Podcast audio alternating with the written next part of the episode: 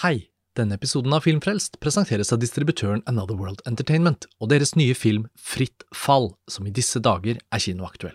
The Playlist kaller Fritt fall et mesterverk, og regissør Justine Trier ble belønnet med Gullpalmen i Cannes.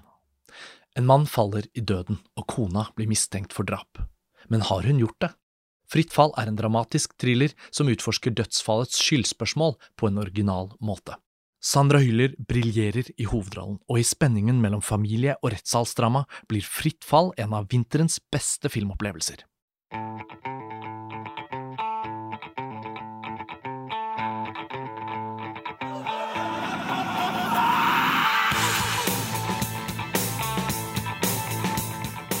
Hei og velkommen til en ny episode av Filmfrelst, podkasten fra filmtidsskriftet montasj.no.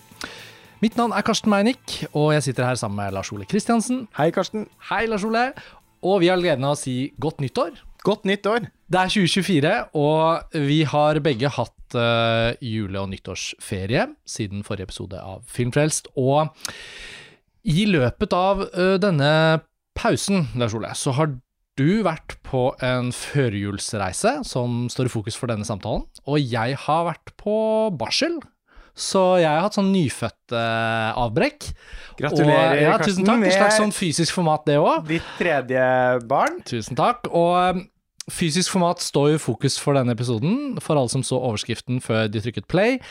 Vi skal snakke om fysisk format-byen San Francisco. Så det blir dessverre ikke en totimersrunde om fysisk format fra barsel, men uh, det kunne det sikkert blitt. Men det er et annet fagområde enn film. Vi skal få være med på at du faktisk har vært på reise til San Francisco nå eh, rett før jul og nyttår 23-24. Mm. Og um, faste lyttere, som vi ofte henviser til, husker jo selvfølgelig episode nummer 500, da vi introduserte spalten Fysisk format her på Filmfrelst, og da var vi i Los Angeles. Siden så fikk vi jo være med da du gjenfortalte fra filmbyen, eller fysisk format-byen Tokyo. Og vi har også hatt andre episoder i spalten, så nå er vi jo godt i gang. Og det føles litt sånn fint å være tilbake og få et nytt sånt reisebrev i podkastform. Og jeg var jo ikke med på denne turen, så jeg vil jo innta den intervju-samtalepartnerrollen. Og du har masse å fortelle, og ikke minst mange filmer å vise frem, fordi vi er hjemme hos deg. Og her foran oss, mellom oss, så står det en hel rekke funn oppdagelser, kanskje ting som har vært enhjørninger som du har fått tak i. Jeg vet ikke. Vi Ja, har faktisk ting. ikke snakket oss gjennom dette på forhånd. Nei. For vi har hatt litt ferie, og nå er vi sammen, og nå skal du fortelle. Så det er introen. Ja, Hva brakte deg til San Francisco, egentlig? at jeg ikke har vært her før. Eh, og, Ja, nettopp. eh, så er jo San Francisco så ikonisk, eh, mye på grunn av film. Så det er jo en film, eller ikke en film, men en by man forbinder med alt fra Vertigo til Basic Instinct og The Rock og Mrs. Dopfire. Og, eh, og de byene som er liksom hyppigst anvendt. Mm. Eh, i amerikansk film er jo Altså, Los Angeles sier jo seg selv, men Los Angeles er jo også ofte et annet sted enn LA. Mm, mm. Eh, og så har det jo bølget litt. Sånn eh, Altså, Hollywoods gullalder på 40-tallet, da er det mange av filmene som utspiller seg i Los Angeles, oppe i The Hills, og som film noir og sånn, er jo veldig LA. Eh, men så på 50-tallet så begynner man jo å legge mange fortellinger til New York og San Francisco. Chicago var veldig hipt på 80- og 90-tallet. I John Hughes-filmer, sånn litt sånn high school-filmer. Ja, ja. Ofte sånne litt sånn familieorienterte filmer om sånn veldig øvre middelklassefamilier som aldri var kommentert, da, at egentlig var sånn stinne og gryn. Alene hjemme, Ferris Bueller's Day Off osv. Nettopp. Uh, og før jul i fjor så dro jeg jo til Chicago, også Mm. også da for første gang, og, og uh, var faktisk da utenfor huset til familien McAllister i Hjemme alene-filmen. Det er en av de heftigste filmlocations jeg har vært på. Det, og ikke minst fordi det føltes som at der er det virkelig ingen, ingen som har vært. Jeg måtte ta en mer enn halvannen time lang Uber-tur til et sted nord for Chicago som heter Vinetka. og, og, der, og, og huset var Du der. fant huset, ja. Ja, og det var akkurat som i filmen. Eh, men eh, Chicago var jo eh, Det var en helt utrolig flott by. Mm. Eh, som jeg tror mange nordmenn som skal reise til USA, undervurderer. Jeg ser så mye reiseprogrammer at jeg har fått med meg at blant amerikanere er Chicago veldig ofte løftet fram som Oh, it's possibly the greatest city in America. Men for, for nordmenn flest tror jeg altså, de vil havne ganske langt ned på listen. Over stedet sånn Folk vil til Miami før de drar til Chicago, på en måte. Ja, og så føler jeg sånn, Hvis man tenker på fil filmikonografi, da, så har jo også Chicago egentlig spilt rollen som Gotham, og mange tenker nok at det er New York mer. Ja, for det er jo en miks i Nolan sine filmer, men det er jo etter å ha vært i Chicago, så kan jeg si ok, ja, men det er 85% Chicago, Ja, ja, i hvert fall.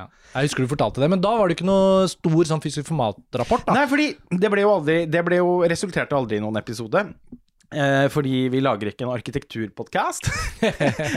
Eller en matpodkast, som jeg kanskje egentlig kunne tenkt meg at du hadde gjort noen gang. Ja, jeg ville, hørt, jeg ville vært en lytter til din matpodkast. Eh, for det var masse spennende å, å utforske der. eh, Men veldig lite av det hadde egentlig da med film å gjøre, bortsett fra noen locations. Eh, det var en uspennende by for fysisk format for film, vel å merke. Det var noen uh, veldig bra bokhandlere og vinylsjapper og sånn, men uh, jeg slet med å finne virkelig spennende butikker med film. Før du da reiste til San Francisco nå, var du overbevist om i forveien, da, eh, om at du kom til å ha tilstrekkelig med forretninger for fysisk format å oppsøke til at det ville bli en så gjev tur for liksom anskaffelsen og innhøstingen av, av nye videogram. Fordi med Tokyo, som du fortalte om den gangen i den episoden, så var det en by du kjenner ekstremt godt etter mange reiser, og virkelig blitt liksom eh, ditt andre hjem, nesten. Og da følte jeg jo, når du henviste til ulike butikker og bydeler og sånn, så var det jo med en super innforståtthet. Ja, Mens har denne vært- gangen er det en by du ikke har vært i, ikke sant? Ikke sant? Eh, Jeg har jo vært i Tokyo to ganger siden den episoden ble spilt inn nå, så det, vi skal jo også lage en episode Ja. til. Nettopp. Det kan vi Eh, plante nå, at, det- Ja, at det kommer, kommer mer. mer. eh, En oppfølger om Tokyo. Ja, for, og, og det er en by som aldri slutter å på en måte utvide seg.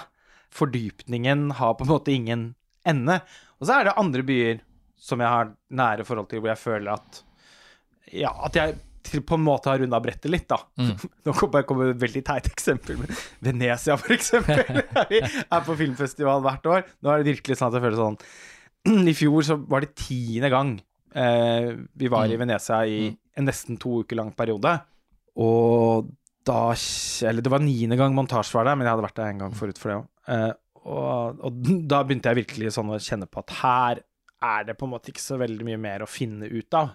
Jeg kan fortsatt ha veldig stor glede av å være i, i bestemte områder av byen, men, eh, og sånn, men, men med Tokyo så er det helt umulig, og det er så, Mm. så, så fint. Eh, jeg tror neppe San Francisco har akkurat den spesifikke kvaliteten, i og med at det er egentlig en ganske mye mindre by enn det man kanskje får inntrykk av. Jeg måtte slå det opp faktisk, eh, litt sånn i forberedelse, for jeg har heller ikke vært i San Francisco, og fortsatt ikke vært i San Francisco, men det ble overrasket over at den ikke er engang blant de ti største byene i folketall i Amerika. Da. Eh, Jeg, jeg har alltid forbundet den med å være en av de største byene fordi den er så kjent, på en måte. Ja, for det, det er jo en av de fire mest kjente byene. Altså Ja. New York, Los Angeles, eh, Chicago, San Francisco. Miami kanskje på Og. Miami, kanskje, Ja. på folkemunne. Altså Mm. sånn, de, Ja. Det er de mest kjente byene i Amerika. Men den er jo da Den er jo marka... Altså, Chicago er jo over ti millioner. Det er jo det er rett og slett det er, det det er. Altså, det er ikke en metropol på den Nei, måten. Det altså- er bare en storby. På folketallet jeg slo det opp, så på Metropolitan Area-oppsummeringen, så var den på 13.-plass i USA i 2022, da. Ja. Uh, men uh, da må Og vi med sånn rundt fem millioner, eller Ja. sånn. mm. så, så ok, la oss starte. Uh, du reiser til San Francisco. Ja. Jeg er Du, spurte, nysgjerrig du spurte meg om jeg hadde spesifikke fysiske formatforventninger til eh, byen eh, før jeg dro, og det, sannheten er jo at eh, ja, det hadde jeg fordi jeg hadde en helt konkret årsak. De som husker eh, episoden vår fra Los Angeles, vet jo at en stor chunk av den utspiller seg eh, på Amoeba. Ja. Et etablissement i Hollywood som eh, har blitt flyttet fra sin opprinnelige location. Den pleide jo å ligge ved siden av sine Ramadome. Mm. Som nå som også er nedlagt, men som skal Det opp er igjen. visst håp om at den skal returnere. Ja, eh, heldigvis. Og det blir gjevt med fremtidige episoder fra Los Angeles neste gang, enten du alene eller jeg og vi drar dit, fordi nå har det jo vært nyåpninger også på kinofronten. Yes. Altså, eh, Quentin Tarantino har kjøpt én kino til, Vista, og nå skal den visst være Og sist vi var der, så gikk vi jo forbi den. Ja, ja, ja, ja. Og da var det sånn coming soon, liksom. Ja, så det er, ja, jeg tror det skal bli veldig stas å returnere dit snart. Og, Men- og det har jo vært byen som jeg har frekventert på en måte i USA de siste årene. Og, men, mens før jul i fjor og i år så tenkte jeg sånn Det er jo på en måte man, man må jo passe på å ikke bare dra tilbake til de samme stedene, og San Francisco har jo vært et sånt bucketlist. bucket. Et eller annet Eh, sted så står noen fra Sapporo og gråter over at du aldri kommer. Hvorfor er det alltid På et tidspunkt så skal jeg nok uh, dit. Det er jo vinter-OL-byen, så det er derfor jeg vet navnet på Sapporo. Ja, ja, på Altså, jeg har ikke vært eh, på Kaido, så det, det er på lista det etter hvert, da. Men jeg, jeg er jo egentlig en sånn Jeg er jo veldig glad i å reise, men Mm. eh, liker jo foretrekker fordypning og utvide veldig langsomt. Mm. Så det kan ta tid. og sånn har det vært litt med USA. Altså, de, eh, alle de første gangene jeg var i USA, var jeg jo bare i New York. Vi var der jo, Ja, ja, ja, litt sammen. og- Samme, altså- men det var samme for meg. Så Men siden første gang vi dro på Amoeba sammen i LA, så fikk vi jo vite at det fins to Mm. butikker til Mm, mm. i henholdsvis San Francisco og Berkeley. Uh, og det har jeg naturligvis aldri glemt. Så det var jo på en måte veldig høyt oppe på listen over gjøremål på turen, var Amoeba liksom sette av flere timer der. Ja, og Berkeley er jo da omtrent en del av San Francisco, i hvert fall det Ja. store området, så du Ja. kunne gå til begge. Yes, Og det skal du fortelle om. og em, jeg tenker jo, før vi kanskje går løs på da, disse videogrammene som vi har foran oss, og at uh, lytterne får bli med inn i disse butikkene og få høre om de forskjellige uh, utgivelsene du har funnet, så må du jo gjerne dele bitte lite grann om San Francisco, da. Dette er jo tross alt et slags reisebrev her, så selv om uh, alle våre lyttere forventer ting om film, så, så du reiste i midten av desember. Altså, hva slags sted er San Francisco før jul? Kan du si litt om klimaet? Ja. Hva slags inntrykk du fikk av byen? Jeg ble ikke slått i bakken av julebyen San Francisco. Der uh, var Chicago Ja, det kan jeg se for meg. bedre. Nei, uh, ja, altså det var, det var man kunne nesten, Av og til så var det nesten knapt merkbart at det var eh, jul der, i enda mindre grad enn i LA. Men med omtrent samme vidunderlige temperatur som er i Los Angeles. Jeg har vært her flere ganger i desember, og eh, det, det var det samme. Eh, det kan jo bli litt kjøligere fordi det ligger lenger nord, men eh, vi altså Kjempeheldig med været, egentlig. Sen norsk vår, skråstrek tidlig norsk sommer. Perfekt. Høres helt fantastisk ut. Jeg angret litt på at jeg ikke hadde pakket med shorts. Oi. Faktisk. Ja, fordi et Mm. par dager var ganske varme. Veldig, det var veldig lite vind. Eh, det kan det være betraktelig mer av hvis man ikke er så heldig. Og i det hele tatt eh, så er det jo en helt svimlende vakker by. Kjent som sånn den, den vakreste byen i Amerika. Eh, og det har man jo på en måte sett på film. Ja. Men jeg må si at man, det er litt vanskelig å forberede seg på hvor cinematisk byen føles on location. Fordi elevasjonen i terrenget, Mm. som jo er helt ekstrem Ja, altså Du vet jo hvilken San Francisco-film jeg forholder meg til i hovedsak når det kommer til Ja. San Francisco-film En av dine egentlige favorittfilmer, The Rock. Ja, The Rock. Jeg har jo ikke lagt skjul på at det er en av mine favorittfilmer, selv om ikke det er en av de ti jeg stemmer på når det er Sight and Sound-kåring, men det burde jeg kanskje gjort. Men, noterte eh, meg det. 1492 og glimret med sitt fravær der. Men um, San Francisco i The Rock er jo også veldig sånn topogeografisk anvendt. Så det er jo ikke tilfeldig. Og med trikken og med den biljakten og sånn. Det ble jo gjensyn med The Rock nå i Ja, romjulen, det ble det, ja. Så bra. Ja, Etter jeg- at du kom tilbake. Ja. Ja. Nå er jeg Eh, veldig spent på om The Rock i en eller annen utgivelse befinner seg i disse Nei, dessverre. Det var ikke sånn at jeg var Så det var ikke sånn on Nei, brand San Francisco-film skal kjøpes i San Nei, vi var på Alcatraz, da. Ja, Uh, ja, men, oh. men, eh, The Rock glimret med sitt fravær i Mm. Ingen sånne små grønne kuler du kunne kjøpe og så prøve å spise også. Det, det, det er faktisk eh, Jeg skal ikke snakke om eh, Alcatraz, for det ville vært en Nei, hel kan- episode i seg selv, men Ja. jeg, jeg må bare si noe da, for jeg kom det, Den var altså så svær, den souvenirbutikken. Det var nesten helt sånn på grensen til liksom Det var på et bilde på Amerika, på en måte. Ja. Eh, hva hadde Adorno sagt om dette? Men eh, Ja. det var ikke måte på hvor eh, liksom sinnrikt det Men, var. had, men hadde vi en hylle for uh, Alcatraz-filmer der? Inne i suvenirbutikken? Nei. For det hadde vært litt sånn Og det, ja, men også, Butikken var så stor, og det var så mye rart der, at Ja. det forventet jeg å støte på eh, imens jeg gikk der, men det skjedde ikke. Så det var jo et, en strek eh, i regningen der for uh, den ellers uh, nesten helt endeløst store suvenirbutikken, der man blant annet kunne kjøpe en bit av The Rock, da. Så det gjorde jeg. ja. Så den er med. Ja, A piece Men- of The Rock.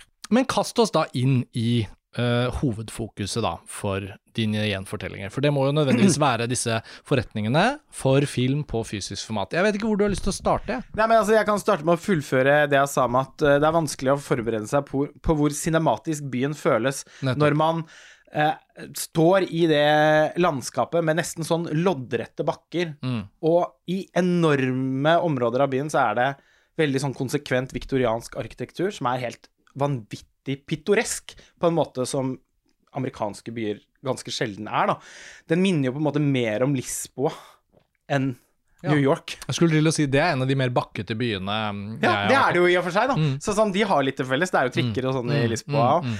eh, Og en veldig sånn spesifikk arkitektur Ja. som man tenker at sånn Ja, men det er vel bare i de og de kvartalene. Nei, det tar bare aldri slutt. Og akkurat sånn var det her også. Og altså beliggenheten i Bay Area der, med Golden Gate, Alcatraz der ute, eh, og, og et veldig det vakre californiske lyset, Mm. og veldig eh, mye grønt, og fantastisk flotte trær. Ja, Var du av gårde og så på de der megatrærne? Ja, det, jeg så noen redwoods. Ja, Redwood, ja. Eh, og Forbinder det med de nye Plant of the Apes-filmene. Ja, og noen eh, he, Altså noen parkområder og sånt som bare var helt vanvittige.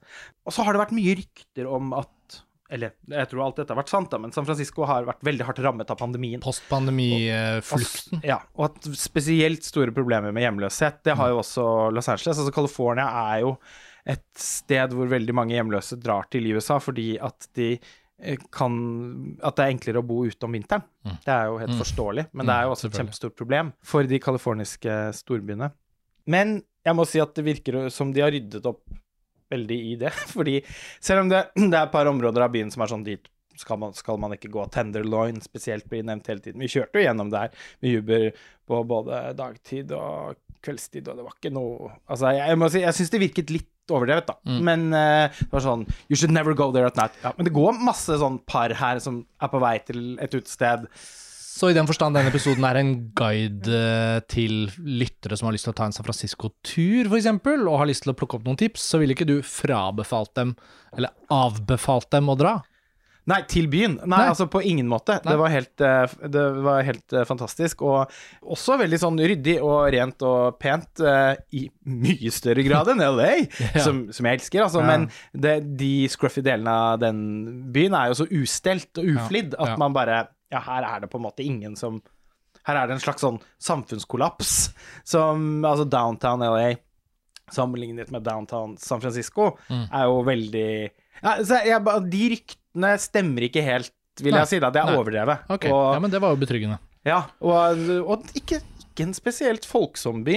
Mange tror jeg også jobber sånn, Og det er åpenbart en by med veldig, veldig mange rike mennesker. Mm, Og som også gjør noe med at boligmarkedet der er så brutalt, og som gjør at hvis du faller utenfor, så faller du så veldig. Så det er jo eh, Og altså, den byen er farget av de utfordringene som USA har generelt, men jeg må jo si at jeg syns på ingen måte at San Francisco var en sånn skrikende representant for det på den måten som enkelte har hevda, da, eller sånn de, de siste årene. Men jeg snakker Det blir jo alltid sånn at man kommer i snakk med en del folk.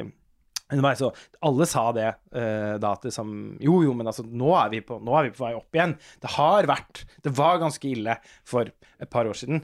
Men eh, det er bare å dra. Det en helt eventyrlig by. Og ikke minst, da, også fordi den leverer så bra på fysisk format. Nettopp, og det bringer oss jo til hovedfokuset vårt, og metoden eller strukturen i Los Angeles, den var jo litt spesiell fordi du og jeg var der, vi gjorde live opptak i butikkene, eh, og alle som har hørt den episoden husker liksom hvordan den strukturen var. Men så for den Tokyo-episoden så var det jo slik at vi snakket sammen etter at du hadde kommet hjem, og du på en måte tok oss med gjennom byen. Og jeg tenker jo at den strukturen lar seg liksom gjenskape litt nå. Men nå er vi jo samlet her, eh, du og jeg ved samme bord hos deg, og du har alle disse filmene foran deg, sånn at du får nesten bare starte kanskje ta det litt sånn butikk for butikk, da. Og så, og så får vi høre litt om eh, hvilke funn du gjorde. Ja, altså eh, Den første eh, Amiba-butikken som jeg besøkte, var jo da naturlig nok den som ligger i San Francisco. Mm. Jeg bodde i eh, på en måte de grenseland mellom Nob Hill og Russian Hill. Det var ikke noe idéområde som var eh, eh, relevant. Og den Amiba-filialen den ligger ja, i nærheten av Golden Gate Park. Eh, et, eh, et stykke unna. Så det ble på en måte litt sånn en liten utflukt. eh, Mm. Og at jeg kunne sette av litt tid, da. Ja. Så, og det tenkte jeg med en gang at nå skal jeg liksom virkelig Nå skal jeg pløye denne butikken i Mm. ro og mak. Hvor mange timer føler du at du trenger deg på forhånd, og hvor mange timer ble det? Nei, da tenker jeg at eh, da bør man være der i tre timer. Det holder jo på en måte. Også fordi det er en litt sånn utmattende aktivitet egentlig òg. Å stå sånn og bla og bla og se og, og søke opp på mobilen og, Og jeg Ja. kan jo bare kime, Jeg må bare kime inn kort da, for de som hører på, at på en måte perspektivet når man handler inn fysisk format, vil jo være litt ulikt fra samler til samler, fordi noen har eh, kanskje lagt fra seg fysisk format en periode, og så kommet tilbake til det. Nå er det jo veldig hipt, Lars Ole, med fysisk format igjen. Så liksom mens vi har liksom tatt opp dette som et tema på Filmfrelst og sånt, så føler jeg liksom at samfunnet for øvrig er litt på vei tilbake til å se at film på fysisk format kanskje ikke er så dumt, men for de som har mye å bygge opp i samlingen, så kan det jo være litt annerledes å gå på jakt i en sånn butikk enn det f.eks. er for deg. Ja. I og med at, som vi av og til har, har nevnt, at det er jo nesten litt sånn interessant å også få vite hva kan det være som du finner, som du ikke har fra før av. Og hva er du på utkikk etter hvis ikke hvis ikke det er sånn er spesialutgivelser eller sånn ekstrautgivelser av en film du allerede har hatt. Så jeg tenker den, den balansen blir jo litt interessant å få høre mer om nå, da. ja, og som du ser så ble det jo veldig mange kjøp, og kanskje mer flere enn forventa, egentlig. Jeg ser 60-80 videogram, kan det stemme? Er det noe sånt omtrent? Nei, det er litt mer. Oh, ja, det er mer, ja. Eh, Det var Jeg tror jeg landa bunke jeg på kanskje ikke ser her? Ja, ok. Eh, Det, det ble 100 100 og, mellom 110 og 120 videogram. Ja. Hvor mange collie er det? Ett? ja, du vet hva, jeg hadde ikke så Nei, jeg måtte begrense meg til et, ko- et Collie Det det, er en moderat mengde i forhold til hva Ja, men jeg kjøpte jo ingen vinyler, og nei. eh, ikke bøker. Nei. Og nå er det sånn, nå begynner jeg å tenke sånn eh, Jeg er jo, som lytterne våre vet, en eh, samler i et ganske stort format. Og, og, og ikke bare på film, da. Jeg samler også på, på musikk og på, og på bøker og i det hele tatt, så og, Men ting har jo endret seg mye i løpet av de siste årene. Og nå syns jeg jo for alvor at det egentlig ikke er så gøy å handle film på nett lenger. Nei, Nå er fraktpris gullalderen er over. Gullalderen for det er over. Ja, netthandel av fysisk Ja. format. Så, så selv om fysisk format er på vei tilbake, så er på en måte alderen for netthandel Den er i ferd med å ja, eh, gå over i en annen fase. Nå er fraktprisene så høye, Mm. og prisene er så økte til altså sånn, Jeg syns det er sjelden når du legger sammen på en måte pris og frakt, så blir det liksom nesten aldri et godt kjøp lenger. Og så i tillegg så kommer risikoen for toll og moms. Og nå, etter nyttår, så vil alle forsendelser, uansett sum, Mm. uansett hva de skriver på Ja, pakken, ja, ja. få moms og toll. Altså dette, den forferdelige, Dobbel idiotiske dobbelavgiften mm. som er eh, så irriterende og unødvendig. Og da, da begynner jeg å tenke sånn OK, da må det heller bli sånn at jeg reiser til steder hvor jeg kan fortsette å dyrke denne hobbyen, Mm. eh, og planlegge det litt ordentlig. Mm. Og det gjorde jeg jo på en måte for den turen her, fordi at jeg gjorde også et valg og tenkte sånn USA nå, Mm. det er det beste landet å handle fysisk film i, ergo er det en absolutt prioritering. Mm. I Tokyo, for eksempel, Japan, det er jo også veldig bra på det, men på en litt annen måte. Uh, der er, går det med på utgivelser og sånn. Ja. Her er det utvalg, Uh, og antall, her er det antall titler. Mm. Uh, Japan er ikke så imponerende på det, men voldsomt imponerende på utgivelser. Og jeg er jo like opptatt av altså Mange filmer kjøper Mm. jeg jo mange utgivelser av. Uh, så Denne har jeg fem av, men nå er den utgitt som en eh, Ja. flygende tallerken, Ja, så da jeg- må jeg ha ja. den. Så du, du pleier jo å le godt i skjegget av mine sånn veldig barnslige trekk der, men sånn er jeg. Uh, og det, det er, en er greit. Ja, og det er jo en del av liksom hobbyen. At, Her er du blant venner. Så og sånn har jeg vært helt siden jeg var barn. Men jeg, føler, jeg er vel på en måte litt sånn på vei tilbake til barndommen. Blir man noen gang voksen, da? Nei. Nei, Ikke vi, i Eh, hvert fall. Men det aller gøyeste å, å, å finne og ta med seg hjem fra Tokyo, det er gjerne papirting eh, og vinyler. Mm. Jeg tok en sånn som det skal, Jeg skal bare kjøpe film, ikke noe annet. Nei, men det gjør det jo litt renere på en måte òg, i forhold til planleggingen og, og Ja, og, og, så- og vinyler og bøker veier jo så mye. Ja, det var det jeg skulle til å si, at, film eh, veier jo nesten ingenting. nei. Og volum er sjelden et problem, Nei. for du får alltid liksom pressa deg liksom Ja. inn Ja, ja, ja. T-skjorte rundt og sånn. Sånn så du ikke blir skadet. Eh, men, eh, men vekt, det kan du liksom ikke sno deg rundt, med mindre du har mange collie, Mm. som, som jeg ofte har eh, i Japan, bare fordi det er allerede inkludert i flybille- flybilletten. Og så er det jo en annen fordel, da. Og det er jo at i USA så har jo alle de ulike små og store labelene, helt siden DVD-en i hvert fall ble introdusert, hatt tradisjon for å importere og gi ut ganske mye obskur film. Det er alltid noen sub-sub-sub-labels som gir ut ditt eller datt. På et helt annet nivå enn i noe annet land. Og den engelske tekstingen når Ja. det kommer til verdensfilmen, Ja. er jo da sjeldent bedre representert, selvfølgelig. Ja, nei, men det er helt For det britiske markedet kan ikke måle seg helt, syns jeg da, med det amerikanske markedet. Det er min Nei, erfaring. det- Selv om det britiske markedet er bra. Det er jo det nest beste, tross alt. Og Arrow har jo og Powerhouse, altså Indicator De har jo etter hvert noen labels som hvis, er, Altså, Arrow for eksempel er jo egentlig gjevere enn Criterion. Ja, men da er vi, over på ny, da er vi jo litt over på ny film igjen, da. Pluss, men, men som helhet så er utgivelser, på en ja, måte. Men skulle man lagt sammen hele Arrow-arkivet opp mot Criterion, så er det likevel ingen tvil om hvem som er keiseren av, av de to. Men jeg vet vi har det bare til felles at vi av og til er litt frustrerte over egentlig hva slags retning eh, Criterion har valgt å bevege seg i de siste årene. Det er en, en diskusjon vi i og for seg kanskje sneier innom eh, på nytt igjen Ja. om eh, noen minutter, når vi skal kikke nærmere på Criterion-bunken som jeg har med meg fra eh, Amoeba. Men la meg starte med å si at det første som slår meg når jeg kommer inn i Fran San Francisco-filialen, er at det er en usedvanlig velkuratert og organisert butikk. Og som har en egen på en måte del tilegnet film. Og det første som møter en der, det er en hylle der det står 'DVDs we like'.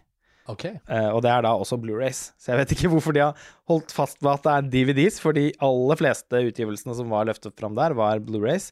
Men da er det altså nesten utelukkende litt sånn kultting, obskuriteter, bootlegs til og med. Det var litt en greie i den butikken. Det hadde jeg veldig sans for. Ja.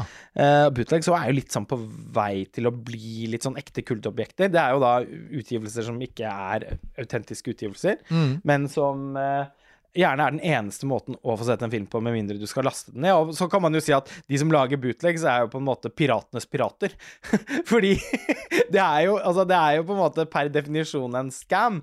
Men eh, det er likevel gøy da hvordan noen ting blir takket være bootlegs eksistens på en eller annen måte formidlet, og litt enklere å få tak i for oss som da ikke eh, vanker på sånne nedlastingsnettverk og sånn, så er det jo da likevel en sånn Wow! De har den! Ja, det er en bootleg, selvfølgelig, men herregud, det er jo mye kulere å Ja. ha den. Og nå kan jeg jo få sett den uten, eh, uten at det blir en sånn lang og komplisert prosess.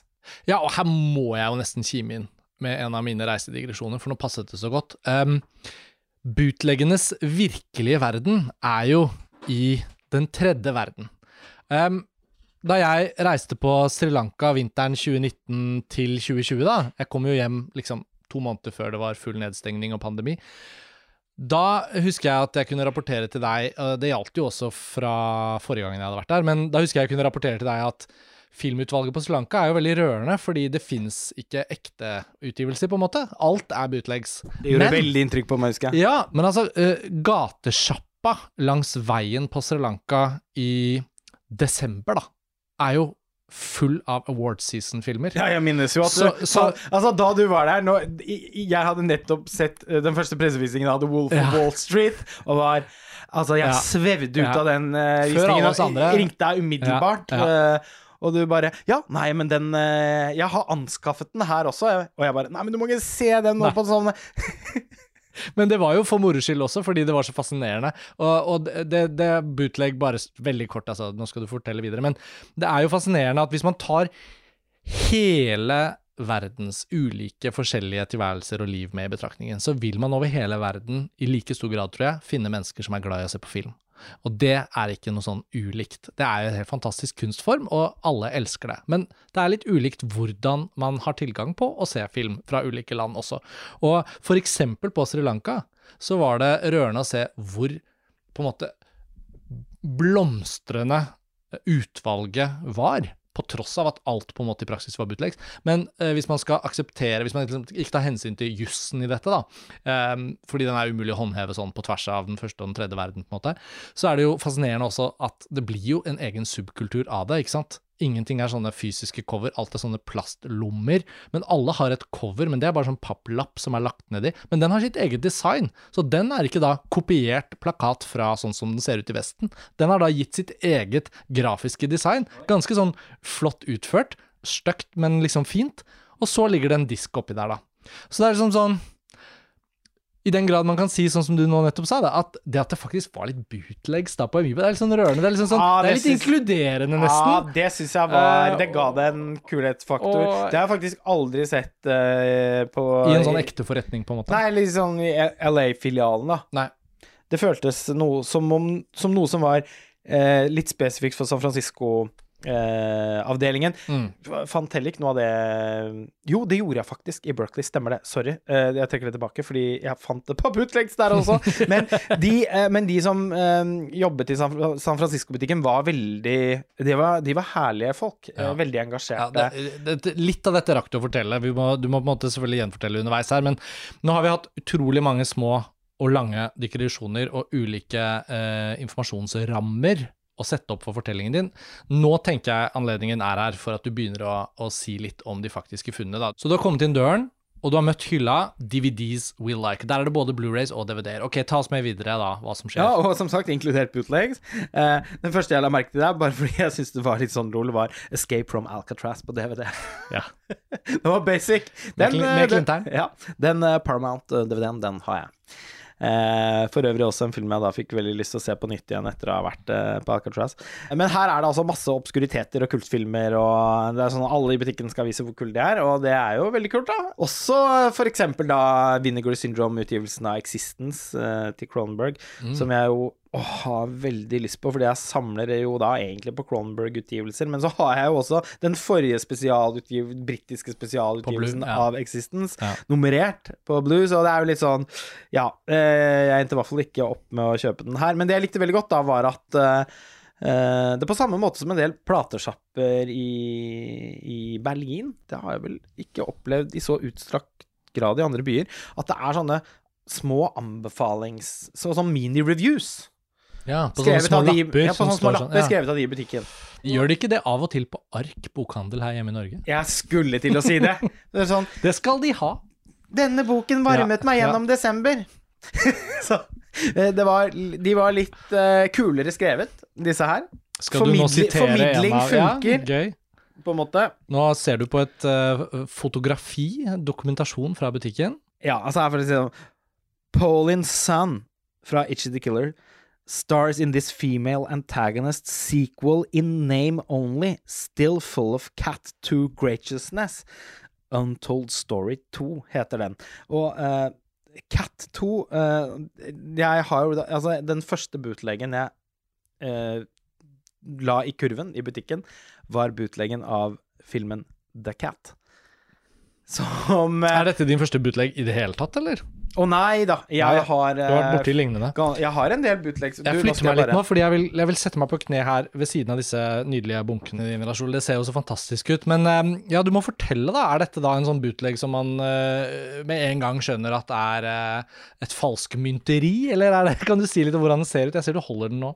Ja, Jeg vil ikke si at de har prøvd å skjule det her, for her er det sånn smalt plastcover. Ja, nettopp, ja. ja Og sånn, en bakside bare- plastlomme, uh, liksom. Ja. Ja. og baksiden her full av bare bilder, ikke Ja. noe tekst. Ja, Det er alltid litt sånn illevarslende hvis sånn Dolby-logoen er litt sånn dårlig oppløsning og sånn, for eksempel. Yes, uh, og uh, Ja, altså, dette er veldig Men The stygt Cat, hva slags film er dette, da? The Cat er en eh, film fra. Hongkong fra Se her, 1992, som min venn eh, Fredrik Hana, eh, filmskaper, Ja. eh, i, lang tid har eh, anbefalt meg, eh, og ja, det har egentlig vært en avtale at at jeg skal se den At vi skal se den filmen neste gang jeg Ja. er i Stavanger. Men, Ja. Så jeg må kanskje egentlig spare eh, Spare meg til den Ja. visningen. 14 Men- dollar, den var ikke på billigsalg. eh. Nei da! Det, men dette er jo da en film som er vanskelig å få tak i. Og som bare, altså sånn, det har vel eksistert noen originale eh, ikke Blu-rays, men DVD-er på et tidspunkt, men de tror jeg er innmari kostbare. Ja. Og jeg har også sett at bootlegs på eBay og sånn er kjempedyre. Så jeg eh, tenkte at dette her må jeg bare slå til på. Ja. Det er jo da en av hans uh, favorittfilmer. Veldig fascinerende gøy. Det var en morsom start. Jeg hadde ikke helt uh, trodd at vi skulle innom på en måte den så obskure linjen da, av liksom bootlegs av en obskur Hongkong-film inn på Amoeba i San Francisco, men det er jo en veldig lovende start. Um, du får bare fortsette. Ja, altså en annen en film som da sto The, The Cat sto ikke i anbefalingshyllen, faktisk. Den uh, oppdaget jeg et annet sted i butikken. En som var der, det var Vinegar Syndrome-utgaven av Sick of Myself da, til Kristoffer Borgli, Ja. altså Syk pike. Ja. Som vi begge har sikret oss, og som Ja. vi også akter å på tidspunkt lage noe fysisk format innhold om. Mm. Eh, Men her var det da uten den vidunderlige pappen rundt. ja, jeg ser det jo med en Så- gang at det er den fra innsiden. Ja, Så det var jo lurt å kjøpe den eh, Ja, tidlig, for den er vel allerede allerede sikkert out of uh, print, som de fleste Vinegar Syndrome-utgivelsene blir etter en stund. Så det, men det var gøy å se. Det, her står du da på en, en anbefalingslapp en 'Director of Dream Scenario'. Ja, som er den nye Kristoffer Borgli-filmen som kom på norske kinoer nå i februar. Ja, og som vi skal se, eller jeg skal se på filmfestivalen i Tromsø. Ja. Og Nei, altså, ellers så, så, så gikk jeg gjennom egentlig hele butikken. Og Ja. det gjorde jo da at eh, det ble en del kjøp. Jeg er alltid ute etter på Amoeba å få kjøpt Criterions, fordi nå lar det seg jo nesten ikke gjøre å kjøpe Criterions på nett lenger, i hvert fall ikke nå, som sagt, men heller egentlig ikke de siste årene. Det blir Nei. for dyrt. Barnes Noble-salget, eh, der har fraktprisen økt så voldsomt de siste årene at det er ikke noe poeng lenger. Nei, Pluss de såkalte 50% får man jo ikke noe særlig igjen for. Nei, og før så var det sånn at du kunne jo få to Blu-rays til under 350 kroner. Mm. Eh, og så skrev de ikke frakten utapå, sånn at det, det gikk ikke utover Altså sånn Det var mulig å få tilsendt to Blu-rays uten å måtte betale toll. Og når det sluttet, da følte jeg jo at Ja, da måtte man jo liksom betale dobb... For det var jo også da halv frakt, ikke sant, når du fikk to inn i én forsendelse. Altså, det eneste positive man kan si om alt dette, er jo at en norsk forhandler, og da er det jo i praksis Ja, bare platekompaniet som gjelder lenger, en norsk forhandler som også tar inn importfilm, er jo i stadig større grad en god nok deal, da. Og jeg har de siste årene kjøpt eh, mer og mer og mer fra platekompaniet, fordi at de veldig ofte egentlig matcher pris. Og så er det litt mer forutsigbart. Da er det sånn at da er det ikke sånn at ja, og i tillegg kommer det kanskje noe ekstra. Nei, at- altså, Ja. Da vet du i hvert fall Og så er det du avgift for å betale avgift, fordi Ja. bla, bla, bla. så, så, så, men når det er sagt, så syns jeg ikke prisen på Criterions hos platekompaniet er uh, levelig. Så det, det er jeg ikke villig til å betale, enkelt og greit. Da må det være noe sånn sjokksalg som en ytterst sjelden gang kan inntreffe, men da gjerne ikke på de nye utgivelsene. Og det er de jeg er mest interessert i, Ja. fordi at de har jeg jo ikke. Jeg har jo liksom 1000 uh, Criterion-filmer. Så Ja. det er jo en Ja. det, det, det, Så det er jo primært de nye, eller noen av de gamle utgivelsene som ikke er å få tak i lenger, Ja. som jeg er ute etter. Og jeg lukter da litt i bunken der. Ja. Jeg ser den jo herfra. Vi kan jo starte med Criterions. ja, la oss gjøre det. uh, det tok oss 40 minutter, men nå er vi inne i episodens liksom reelle sånn film for film-struktur. Ja. Og uh, nå sitter Lars Ole ved siden av en bunke, da, som er spesifikt Criterion-utgivelsene som du fant hos Amoeba. Stemmer det? Det stemmer. Ja. Eh, og de, her er de som, da, som jeg da fant eh, i, i San Francisco-avdelingen. En film fra 2021 som heter Fayadai av Jessica Bashir. Ja. Eh, Jeg husker den var på Criterion Channel eh, en periode der. En er sånn- kunnskaper. ja, Litt har- sånn bøssete film som eh, som, ikke sant, som det er helt u... Man vet så lite om den, så det ville vært helt uaktuelt å betale sånn 500-600 kroner for den. Men når man på Amoeba, da uten eh, frakt og sånn, kan få den til sånn eh, 15 dollar, Mm. da er det jo fullt innafor. Og en annen ting vi har glemt å nevne denne gangen, er jo at det er jo en veldig sånn gjenbruks-vibe over alt vi snakker om nå. Fordi Ja, alt er brukt. dette er jo brukt, er brukt. film. Ja, ja. Sånn at det er jo noe med at vi skal ikke glemme brukt, eh, miljøaspektet her. Nei. At du sparer jo miljøet nå for én konvolutt per film også, Lars Ole. Faktisk. Så istedenfor å gå for netthandel, så har du jo selv fraktet filmene Ja, så da kan jeg fly Jeg med sier litt bedre med en smil om samvittighet. ja, ikke sant? Jeg er jo nesten sånn fetisjistisk opptatt av de gamle dobbeltcoverne til Criterion. Ja. Altså Hvis man ikke skjønner hva du mener med det, så er det litt vanskelig å forklare. For de som skjønner, så er det jo da den litt sånn viktige epoken da Criterion virkelig var, på en måte. Altså Hvis de ga ut noe, så var det sannsynlig at det bare var den måten du kunne få tak i det på. Dette er før Blu-rayen. Ja. Og de DVD-ene eh, som da Tidlig 2000-talls Criterions. Og hvis de fikk den der ekstra oppmerksomheten, Ja. så este Criterion det ut til en litt sånn en og en halv tommel bred Stemmer. Uh, rygg. Ja. Uh, og, så det var jo de dobbeltdiskene, rett og slett, uh, til Criterion som er så utrolig fine. Jeg syns fortsatt det er mange av de fineste designene deres er fra den perioden. Det er jo fra det generelle de designet deres Det har jo endret seg to ganger. Altså, det har vært tre forskjellige. Eh, det første, som ikke er så veldig fint, og så er det det andre, som er Laserdisk-æraen, på en måte. Ja, som ble videreført på de Ja. første Ja, DVD-ene. Ikke så veldig fin. Ja. Og så er det det neste, eh, som jeg er veldig fan av. Mm. Og så kommer det som vi har i dag. Jeg er på mange måter egentlig mer fan av det forrige. Midterste. Ja. Eh, jeg har en, ja, en dragning mot det, men kan hende det er litt nostalgi òg, fordi det er jo, de er jo fra tiden da jeg begynte å samle på Ja, ja, Criterion. samme nostalgien jeg føler. Hva er det du holder der, da? Jeg ser ikke Ja, helt det er en utrolig vakker utgivelse av Marcel Carnets 'Children of Paradise', Paradise', som ja, det er uh, jeg syns er en ganske kjedelig film, men, men Og som jeg har fra før av. Men denne utgivelsen Altså, det inspirerer til gjensyn. Ja, den var flott. Oi, det er så deilig når du gir den da til meg. Så kjenner jeg at den liksom har litt tyngde. Ja. Samme eh, dobbeltutgivelse eh, Ja. av Ikiru, og den der, ja. har jeg vært på jakt etter lenge. ja, nettopp. Ja, selvfølgelig out of print. It jeg- goes without saying, men Ja, og jeg samler på uh, Kurosawa Criterion, så jeg har Mm. så å si alt, uh, men ikke den. Det er én til jeg mangler. Uh, jeg, jeg har ikke det, Jeg tror det er Drunken Angel, som jeg ikke har på Criterion. Jeg har den jo et par andre utgaver, men ikke på så, men, men ja, det var sånn Mm. Ja. Åh! Ja. Ja. Veldig gøy. Lagde du liksom en lyd i rommet da? Ja, når du sa det gjorde jeg. Da, da, da, da, var sånn Ja! Ja, det var den! Og så Og så god pris! Andre sånne sure kunder snur seg sånn. Ja, det jo, men det var sånn Den kunne jeg betalt 300-400 kroner for, men, uh, hvis det er, men, men, men den kostet Jeg tror det var 1299 dollar. Det er såpass, ja. Ja. Nå, nå, som du ser, Ja. så har jeg avpriset filmene allerede. Ja da, jeg, Fordi- altså, du trenger ikke Jeg gjorde, Nei, men det var jo Det hadde vært egentlig gøy å hatt prisene her og sånn, men eh, det, så det må jeg bare ta ut hukommelsen. Heldigvis har jeg ganske god, god hukommelse. i all hovedsak har gode erfaringer med. Det kan av og til være litt sånn smertefullt å møte elefanthukommelsen din også. Uh, så det må jeg Ja. Men eh, jeg er jo Jeg har avpriset alle grundig med neglelakkfjerner. The Testament of Dr. Mabuse av Fritz Lang, den ga du meg nå, også i denne dobbeldisk. Også en utrolig fin Jeg utgivelse. Skulle til å si det, for en utrolig flott. Det er for de som da er så interessert at de vil vite hvordan den ser ut når vi sier at den er utrolig flott, så er det da en med en oransje, sånn um, grov print, prikk for prikk, Mm, eh, trykkestetikk. Veldig flott. Et ansikt, da, selvfølgelig, med sånne spiraler i øynene. Eh, tilsvarende dobbeltutgivelse av Mamma Mamma Roma til Pasolini, Pasolini. som jeg bare har en ganske sånn kjedelig Ja. utgivelse fra før. Ja, den har jeg en veldig kjedelig DVD, av, men jeg har den. Samme her. Så, og så eh, de, Det var, var alle dobbeltutgivelsene dobbeltutgivelsene jeg Mm. fant der, men så kommer det en del Disse tar jeg da veldig fortløpende. Ja. Eh, enkelte DVD-er. Eh, De jeg legger opp nå, er fra den samme æraen i Criterion-kronologien, holdt jeg på å si. Boble Flambeur, Av Melville. til Ja, den var også veldig fin. eh, Early Summer av Ozu, også fordi jeg samler på de Ja. Ozu Criterions. Gimme Shelter til Ja. Maelsels-brødrene. Rolling Stones-dokumentaren. Yes. Eh, var det kanskje alle fra den æra, er, æraen? Sier jeg æraen?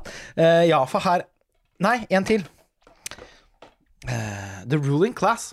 Ja, Med Peter Peter O'Toole. O'Toole. Og den filmen har jeg ikke fra før av, så det var fint å få dekket inn den. Peter Medak-regi. Yes. Som har laget den glimrende skrekkfilmen The Changeling. Mm. En fra den tidligste fasen av Criterion, Henry V av Lawrence Oliver, som jeg fortsatt ikke har sett. Eh, Jeg har den på en annen utgivelse fra før av, men eh, denne var så billig at det var umulig å ikke plukke den med seg, for det er jo tross alt en Criterion-utgivelse. Var en av Stanley Kubricks favorittfilmer. Ja, her har vi enda en fra den eh, Midterste fra den perioden. midterste perioden. The Bank Dick av W.C. Fields fra 1940. Hm, har ikke hørt om engang. Og så de eh, neste her er fra den eh, nyere æraen. Ja. Eh, du spinne oss gjennom dem ja, ganske raskt? raskt. Farewell Amore, en litt sånn nyere Criterion-film fra 2020. Beyond the Hills av Christian Mungu, som jeg faktisk ikke har. Ja. Ikke på Blu-ray, det hadde jo vært mer gunstig, men Jeg den tror jeg var har så den fra Tartan eller fra den. Men den kostet sånn 7,99 dollar eller noe sånt, så det ble jo en no-brainer. No brainer. Three Penny Opera til Pubst. Eh, Criterion Blu-rayen av The Graduate. Å ja. Ja. Så den får veldig Mike. Nichols Men det er også en av de criterionene som jeg vet at du og jeg sutrer litt over. Når Ja de liksom ikke lager et nytt design. Dette var jo noe av det Criterion var så god på. Så var det bare sånn Den samme plakaten. Og det er derfor den aldri har fistet tidligere. Men når, altså, når den står rett for meg, og til en god pris, Mm. så blir det enkelt å ta Ja. den med seg. Jeg synes også designet på den nye Blu-rayen deres av Jane Campions piano er helt grusom. Men uh, igjen, når den står foran deg, og det er til en såpass god pris, Mm. så blir det kjøp, fordi jeg vil jo ha piano på Blu-ray. Mm. Uh, fortsatt Jane Campions beste film, syns Jeg jeg. husker da jeg så den på Blu-ray på Fnac i Cannes en gang. Fransk Blu-ray av The Piano. Ja. Så var første gang jeg har sett at den filmen var på Blue.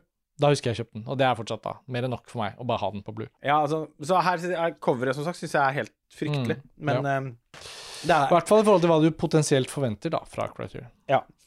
Jeg syns jo ikke de hadde gjort veldig mye ut av dette Moonstruck-coveret heller, men det er jo så frydefullt å kunne ha en så vidunderlig, Ja. deilig film på eh, Criterion. Jeg har Moonstruck av Norman Jewison Ja, med Cher og Nicolas Cage. Nylig presentert på og 80-tallsskåringen jeg har bare den gamle MGM-DVD-en. Ja, ja, ja. Uh, The Learning Tree av Gordon Parks. Uh, Mm. Made in eh, USA av Godard, som Se jeg har fra før av, men ikke på Criterion.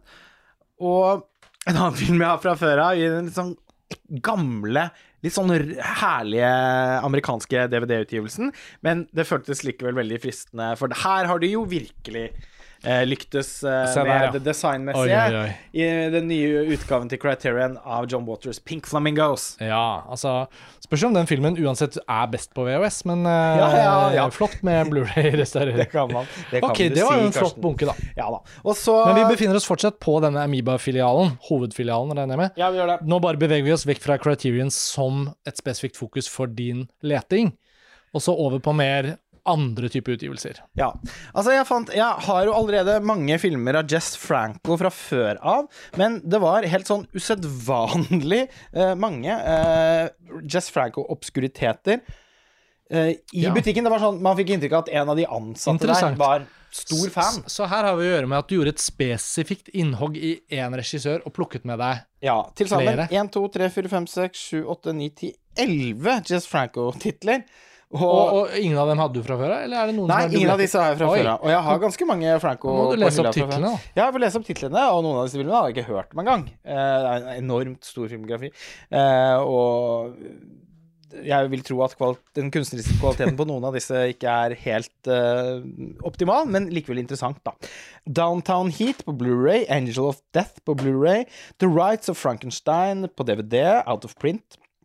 Marquis de Sades Justine på DVD, The Castle of Fu Manchu med Christopher Lee eh, på DVD, og The Blood of Fu Manchu med Christopher Lee på DVD.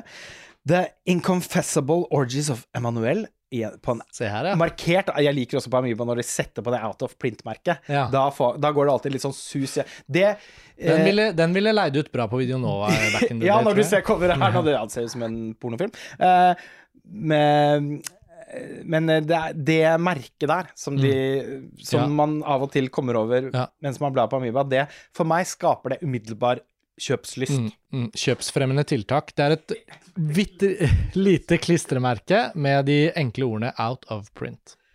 The Sexual Story of O på DVD. Diabolical Dr. Z i en eh, sånn Mondo Macabro-utgivelse. DVD. Eugenie med et uh, spennende cover. Kjøpsfremkallende cover. Yes. The Sadistic Baron von Klaus. Ja, den hadde jeg aldri hørt om før. Så liksom sånn ja, Jess Franco-bok Altså, jeg skal først og fremst erkjenne at uh, selv om jeg har litt allmennkunnskap og vet omtrent sånn hvem du sikter til, så har ikke jeg noe uh, kjennskap til hans filmer, føler jeg, i det hele tatt. Og ikke heller en voldsom interesse. Nei, men, jeg gleder meg, men jeg gleder meg til å høre deg plutselig melde en dag Nå ble det med de elleve Jess Franco-filmene. Ja, Nå har jeg altså, tatt en økt. Jeg får ta en Jess Franco-festival. Gøy, Jeg- gøy. Du har mer å vise fram. Ja, altså apropos altså, Når vi først er i kultland, da. En Roger Corman-film. 'Frankenstein Unbound'. DVD. På, på DVD. Eh, en film av godeste Ed Wood, 'Jailbait', som jeg aldri har sett, og heller ikke har eh, fra før av. På, på DVD. Den litt sånn Jeg føler at de Ed Wood-DVD-ene, det, det er på en måte Jeg vet ikke, er det fortsatt de eneste som eksisterer? De har vært, så, de har vært seg like i alle Ja, år. jeg er jo bare fordi det kanskje ikke har blitt, De har blitt erstattet? Jeg vet Ja, altså, De ligner litt på sånn public domain-utgivelser. Ja. At det er sånne filmer som på en måte Exakt. alle kan gi ut hvis de vil. Ja, og det er de sikkert òg. Den ser ikke spesielt uh, sofistikert ut. Uh, Godards 'Sympathy for the Devil' på DVD, som jeg faktisk her, ja. ikke har fra før av. Fra et label som heter Abco.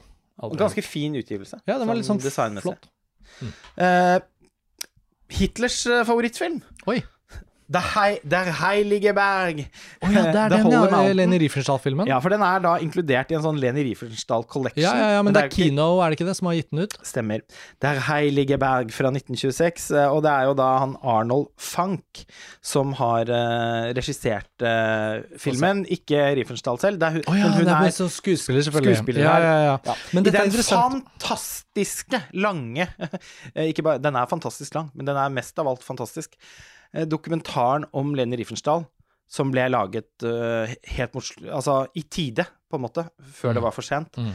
Uh, som ligger i veldig ok kvalitet i sin helhet på YouTube, og som alle som er interessert i film, bør se. Så er det ganske langt parti om Det heilige berg. Fordi Hitler da var så opptatt av, av den, og av henne i den.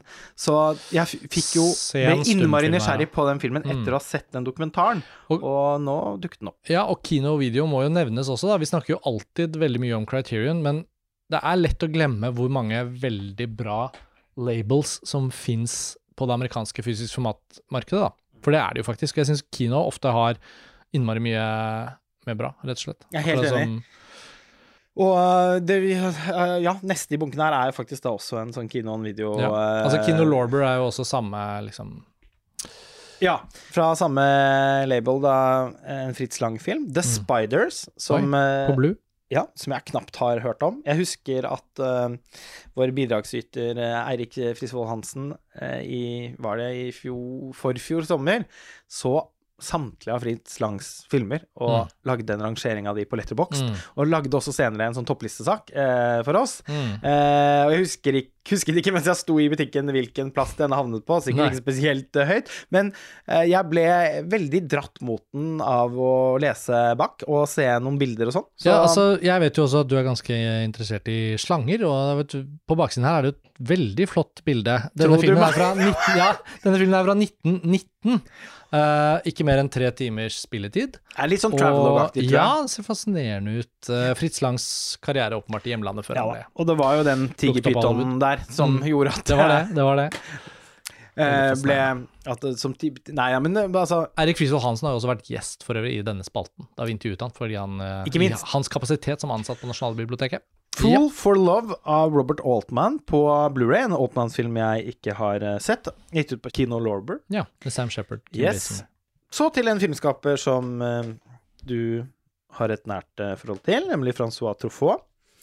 Og Ja. filmene Mississippi Mermaid og The Story of Adele Age, som jo på ingen måte er de eh, fremste Truffaut-filmene, men og som tidligere bare har eksistert i i alle fall eh, i den grad de har Altså i alle fall med, fran med fransk Nei, med engelsk tekst. Så har de Mm. kun eksistert i På noen DVD. gamle, ganske kjipe letterboxede MGM-DVD-er som jeg har hatt på hylla siden tidenes morgen. Ja, de har, ja. Og de vil jeg alltid holde nært mitt bryst, men det var jo veldig fint å få de oppgradert eh, til Blu-ray, og veldig fin, fint designede Ja, det var det jeg skulle si. og alt. Jeg kan jo bare rapportere til lytterne, veldig fint. Det er samarbeid mellom MGM og Kino Lorber, det her òg. Um, ser kjempefin ut. De fikk jeg lyst på.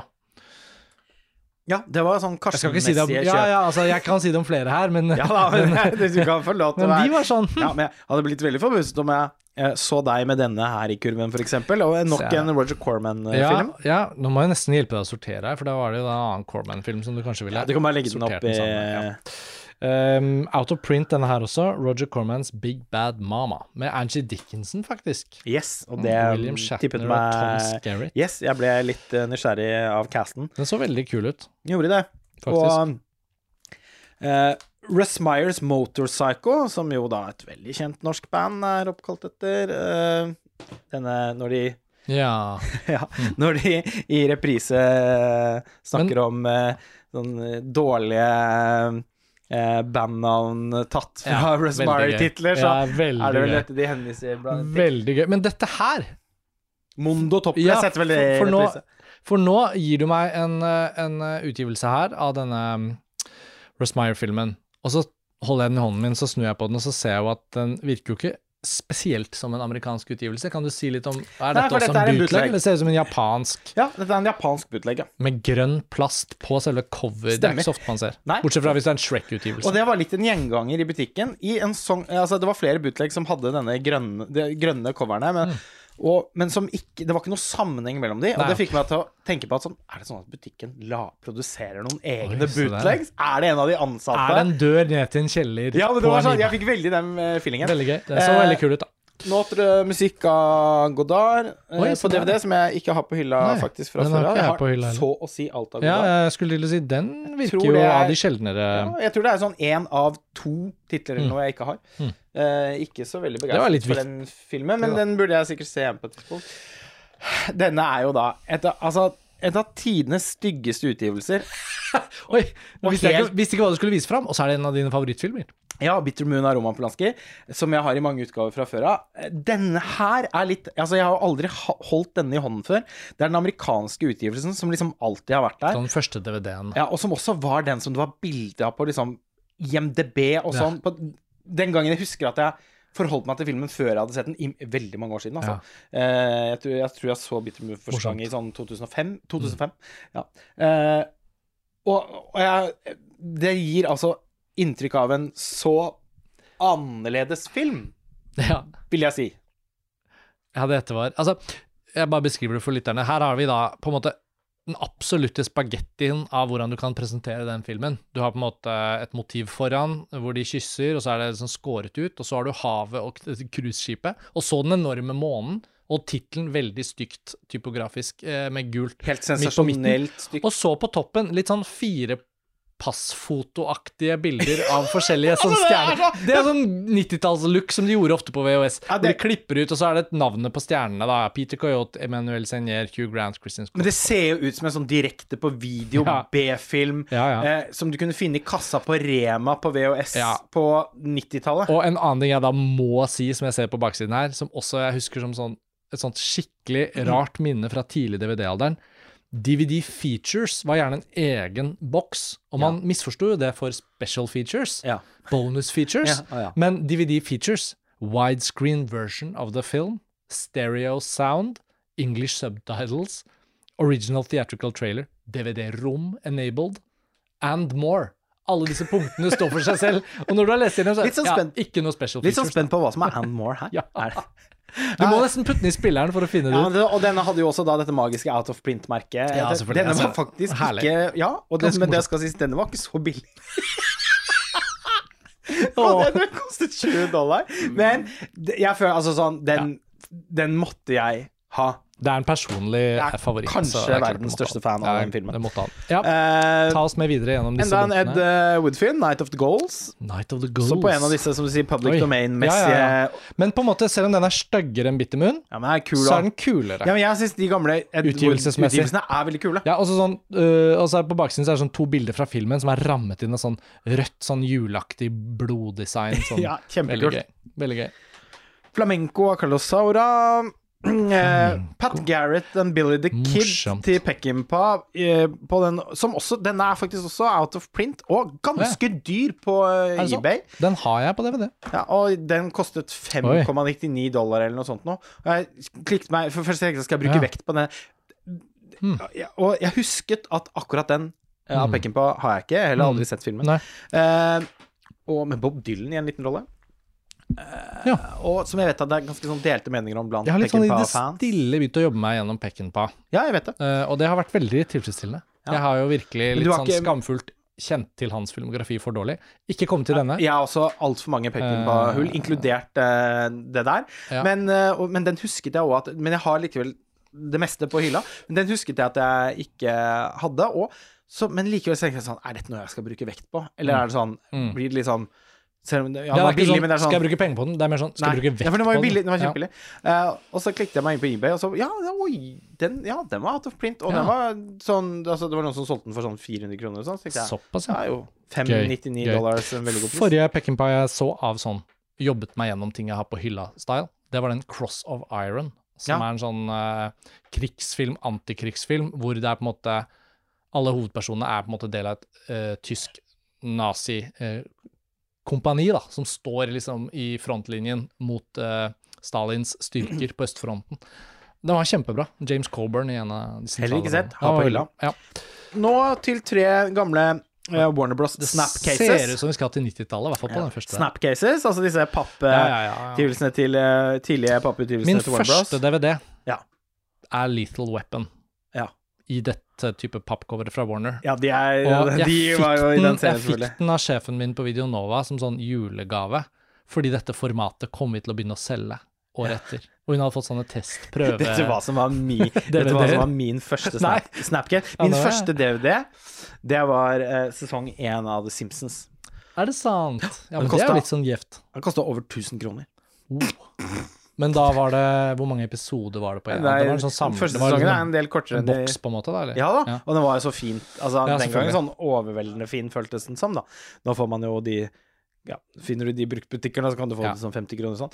Morsomt. Eh, Jeg har alle de tidlige Jeg er eh, veldig stor Simpsons-fan. Eh, særlig fram til og med Altså de første før Mike Scully tar over som showrunner. Så eh, Ja, det, det, det var min første DVD. Og så var min andre DVD var The Phantom Menace.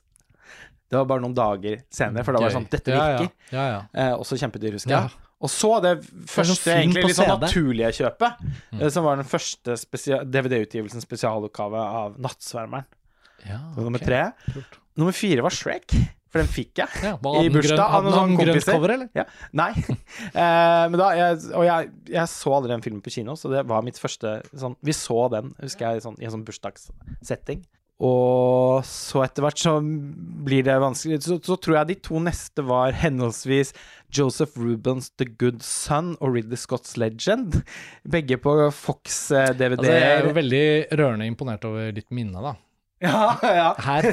For jeg kan huske at den ene var den første. For jeg husker jo veldig godt at hun kom bort til meg som var sjef på Videonova på Majorstua den gangen og sa sånn Vi skal begynne med DVD, og du får den i gave, liksom. Jeg hadde jo ikke DVD-spiller. Det tok mange år før jeg kunne spille den av. Ja. Men det var liksom dødelig våpen. Ja. Og etter det så husker jeg jo ingen i rekkefølge. Men du husker jo dine seks første, var det det du Ja, du snakket om? og jeg fikk Ja, stemmer. Og um, de to uh, Fox-DVD-ene der, det var litt fordi uh, The Good Son hadde jeg sett leid mange ganger på video. Var Mm. veldig glad i med Macaulay Culkin. Og, Ja, jeg husker den veldig godt fra eh, video. så den var litt sånn den! Kan se den igjen. Mm. Uh, og eide aldri den VHS-en. Jeg samlet jo på VHS-er òg, gjennom hele barndommen. Men uh, Legend of Ridley Scott, det var bare fordi Ridley Scott har laget oi, en fantasyfilm! Og da, da var jeg jo veldig glad i fantasyfilm, ikke minst i den perioden, da. Altså, dette var jo eh, En av de andre DVD-ene som kommer da like etter dette, her, er jo The Fellowship of the Ring. Ja, for jeg Som- skulle til å si det. Det var jo en film som gjorde at mange kjøpte DVD-spillet. Ja, jeg tror det var en, Den og The Matrix. Ja, de to. Og litt Fight Club, sånn som jeg husker det. Ja, ja, ja, ja, Blant sånn Den legendariske den gangen, eh, popcoveret. Ja, det var, ja, og Moulin Rouge. Det var også et sånt sinnssykt flott pappcover. Jeg har den fortsatt. Den, Jeg har fortsatt begge de to, ja. Mm. Og begge fra Fox. Ja. Og liksom de, Ja. Åh, de sa, Vi burde egentlig ti, lage en, En egen episode om disse. Ja. Men nå er jo, vi er jo veldig åpne om at de fysiske formatepisodene våre skal være litt sånn ekte podkast, som Ja. sier, ikke ikke, radioprogrammer. nettopp ikke Eh, så det, blir, skal, altså det er masse digresjoner og sånn. Ja. Men ehm, eh, Ja. Men Ja. Mitt først, min første Warner Bros. Snapcase Ja.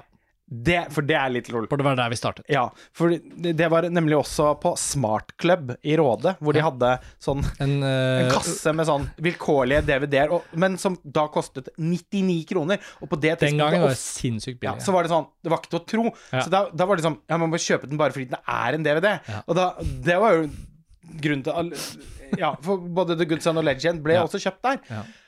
Og ja, det var det vi, vi kjørte Vi passet nevøen min veldig mye eh, i de årene der. Og da var det sånn at de kjørte han fra Oslo, og så eh, kom vi fra Halden, og så møttes vi på halvveien på Smart Club. Så derfor Veldig morsomt. En periode Vi var Smart Smart Club Club finnes jo ikke lenger det heller, så for de som ikke vet hva Smart Club var, så var det jo da en sånn varesenterkjede som Atle Brynestad sto bak i sin tid. Jeg husker de særlig godt fordi de sponset fotballklubben Lyn, som jeg spilte for i den tiden. Men der hvor Smart Club har gått ut av tiden, så er DVD-en fortsatt her. Ja. Men Snapcase fra Warner er også gått ut av tiden, så nå må vi få høre da. Din Ja. første Ja, det var, det var Dead Calm oh, på Smart Club for 99 Philip. Noyce? Ja. Oi. Så jeg så den før eh, Kniven i Men vannet den til Polanski. filmen er god. Den Ja, den jeg, den, den med Nicole Kidman og Billy Zane, ikke minst, husker jeg veldig godt som var sånn film som gikk på TV, og som var litt sånn lurid. Så det var sånn, og hvis man kom over den, så mm, Jeg syns likevel jeg levelet opp med min neste Snapcase, som var det som gjorde at jeg veldig tidlig fikk sonefri DVD-spiller. Men jeg hadde filmen lenge før jeg til slutt måtte bite i det sure eplet og få betalt for å få spilleren min sonefri. Og den gangen hadde man jo ikke så mye penger. Blade Runner Director's Cut. Fordi den fantes jo bare I mange år så var den kun tilgjengelig eh, på amerikansk sone 1 eh, i den eh, Altså, jeg kjøpte Ice Wade Shut på sånn Snapcase Warner DVD, på tross av, men litt sånn på grunn av òg, at Kubrick var en av de første sånn beskjedene jeg fikk fra smartere folk om at hvis du skal bli god på liksom film og se film, så må du se Kubrick. Og da fikk jeg meg denne utrolige boksen med sånne hvite eh, utgivelser av Kubricks filmer. Og eh, den tok jeg aldri vare på, dessverre. Det er veldig trist, men eh, ja. Jeg kjøpte jo de Kubrick-filmene da det ble utgitt et knipp Altså, da fargefilmen etter Kubrick ble utgitt på nytt i forbindelse med Ice Wide Shut, så ble de også gitt ut på VHS. Mm. Så jeg kjøpte jo de VHS-ene. Ja, det er er VHS-ene jeg eh, snakker om. Ja, så, jeg, eh, så de hadde jeg, og Mm. de så jeg jo uh, igjen og igjen, holdt jeg på å si. Igjen, og, ja, særlig The Shining, min favorittfilm, og A Clockwork Orange også, veldig sånn formativ film for meg. I de årene der, så, de, så det to, Jeg husker faktisk Men den gang Det er jo helt sjukt å tenke på nå, men det var likevel litt sånn at jeg tenkte sånn Ja, men jeg har den jo på VS, så trenger jeg kanskje altså, sånn Jeg kan jo vente til den går ned i pris, i hvert fall, Ja, ja, ja. på DVD. så forskjellen var jo så Mm. enormt stor. Men uh, føler det større det hoppet som skjedde da, enn fra DVD til Blue, egentlig. Ja, men det er det jo. Men uh, jeg kjøpte Kubrick-filmene på Warner Bros. Snapcase DVD-er uh, etter en liten stund. Men, eh, men Blade Runner Directors Cut var faktisk først, og den hadde jeg, den hadde jeg heller ikke på VS. Og Directors Cutten på VS tror jeg aldri var utgitt i Norge. Siste ting før vi går videre da til den snapcasen som ligger foran oss, som du har kjøpt nå. San Ja, ja, her så, skal bare, så skal jeg bare si én ting, og Ja. det, det husker jeg Apropos det der å fornye og kjøpe nye formater og sånn. Da mye av Kubrick-filmene kom på Blue, så var det jo også flere av de som opprinnelig var i Academy Ratio, som ble på en måte beskåret til 16.9. yes. Og jeg husker hvordan jeg aktivt da app, app, app, tok vare på Ice Wide Shut i Snapcase-varianten, fordi den var jo fortsatt i Academy Ratio Ja. på den DVD-en. Og med stor affeksjonsverdi. Ja, mens den Du kunne jo aldri kastet de uansett. Nettopp, og mens den bluen som da har kommet og bla, bla, bla, og liksom sånt, så er det jo liksom beskåret. Så jeg har alltid følelsen av at liksom når jeg tar mine gjensyn med Ice Wide Shut, skal jeg kanskje se den DVD-en? Må jeg se den i sånn restaurert skarp Eller skal jeg se hele bildet, på en måte? Ja. Mm. Nei, jeg vet, det er veldig Apropos verdien av fysisk Ja, format, vet, sånn ja. kan man jo aldri sitte og beregne når man sitter på Jeg syns de burde kunne tilby begge formater Ja. uh, på de Blu-rayene, Men- men, det er en lengre diskusjon. Nå skal du fortelle om denne, Nei, som altså- jeg ser er en John Waters-film, Ja, Pecker med Edward Furlong. med Snapcase, da, altså. Ja, det gjelder også Memoirs of the Invisible Man av John Carpenter. En Carpenter-film jeg ikke har Oi! Verken, Den den, har ikke jeg ikke fra før av, ikke kan sett. nesten ikke si at jeg har hørt om engang. 'Memoirs of an Invisible Man'. vel eh, litt en sånn work for hire-film, men som jeg har hørt en del bra ting om. Så Ja, den holdt jeg på å se nå i Nei, det vet jeg. og det er, jo, eh, det er jo en nedtur. Men eh, jeg holdt på faktisk å se den nå i julen. Jeg tenkte at det kunne vært en litt sånn 92. romjulsmessig film. Ja. Uh, Adams Rib av George Cooker. Ja, den har jeg. Denne Ja, jeg husker jo du hadde en litt sånn. Cukor-fordypning. Ja, ja, ja. Og så eh, fant jeg Det var billig. Fem dollar. Ja, kjempebillig. Og her eh, Oi, nå skal vi til kunstfilmens verden, ja. Ja, fordi apropos gleden ved å finne noen bootlegs, da. Andy Warhol sine filmer, som er av ganske sånn stor filmhistorisk betydning, er ja, ja, det er ikke så vanskelig å få sett, egentlig, for man kan jo gjerne se det på YouTube. Men likevel så er det for meg eh, veldig mye formidling i å ha det i hylla. Og, kunne, Mm. og, og det er fortsatt så Flotte, mange jeg. Wal- Warhol-filmer som jeg har til gode å se, og som jo som, som er på en måte vanskelig å få tak i på De er jo aldri utgitt ordentlig på fysisk format, men her er det altså noen som har tatt seg bryet å lage bootlegs av henholdsvis Kitchen og Batman Dracula, og de utgivelsene her syns jeg var ganske kule, da.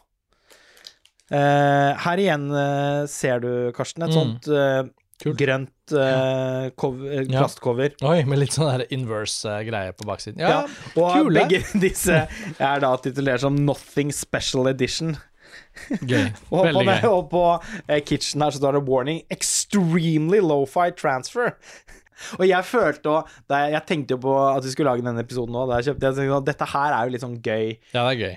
Fy- Altså en sånn type antiformidling som Mm. likevel funker. Mm, mm. Jeg lo og, og da jeg så det og tenkte ja, nei, men de må jeg kjøpe. Men fordi, eh, både fordi jeg har lyst til å ha Jeg syns det er kult da å Ja. ha litt sånn rikt utvalg i, med Andy Warhol sine filmer i hylla, og at det er i seg selv litt sånn eh, artige utgivelser, da. Jeg må også skyte inn for lytterne, nå som vi har nevnt dette Out of Print-klistremerket, som du omtaler som så gjevt, Ja. så ser jeg jo på denne bootleggen her også at de har merket den med samme format klistremerke, men med en annen tekst, DVD-R.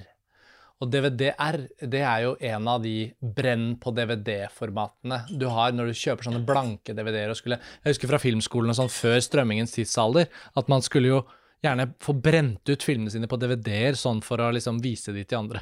Så DVD-R er jo på en måte en veldig sånn åpenbar eh, boot. Ja, det får, man, det får man si. Litt sånn annet eh, Ja. diverse her. eh, en Peckinpah-film, The Osterman Weekend, som jeg heller aldri har sett. Altså, altså dette er VHS-dagene. Så innmari flashback. Den Osterman Weekend Jeg lurer på om SME Ja, oh, som Distributøren SME, som hadde, som hadde samme eier designet på VHS-er kanskje noen og gang. som hadde samme eier som Videonova Majorstua. Pål Granlund, eh, legende. Herregud, tenk alt han gjorde for norsk filmkultur ved å starte og på en måte få Videonova-kjeden til å blomstre. Han eh, brukte noen av? Nei, og han brukte noen av inntektene sine på å starte sin egen distribusjonsbusiness. Star Media, SME, fins jo fortsatt. Og jeg husker at SME-utgivelsene fikk vi, en vi ansatte fikk en spesialrabatt. For man fikk jo litt rabatt når man kjøpte film og var ansatt på Videonova, men ikke så veldig god rabatt. Men Mhm. SME-filmene fikk vi en ekstra god rabatt på, fordi de var jo på en måte Videonovas egne eh, på en måte filmer. da. Og hvis ikke jeg husker feil, så er denne typen sånn, altså Osterman Weekend, litt sånn gammel film som var gitt ut på VHS av SME, hvor de har sikret noen rettigheter, som kom rett ut på hylla. Og nå er den foran meg i en DVD to-disk edition som du har funnet i San Francisco. Aldri sett filmen, eier den ikke selv, aldri hørt noen anbefale den. Hvem er det som er med? Er Rutger Hauer Ja. og Ja, nei, jeg har jo ikke sett den, jeg heller, men uh... Fascinerende. John Hurt er med, jo. mm, verst er at den sikkert litt god. ja. Og det uh, gjelder jo i alle fall disse to James Ivory-filmene uh, som Ah, ja, jeg fra Cohen fikk med meg, som heter Hullabaloo over Georgie and Bonnie's Pictures. Og her er vi i den indiske ja, æraen, da. ja, ja, ja. Jeg har kjøpt flere av disse, ikke denne her. Også out of print. Ja, fin. Uh, Shakespeare Walla, som jo kanskje er den, Ja, altså, den Sammen med Bombay Talkie, kanskje den mest uh, kjente fra den. Den har jeg også kjøpt.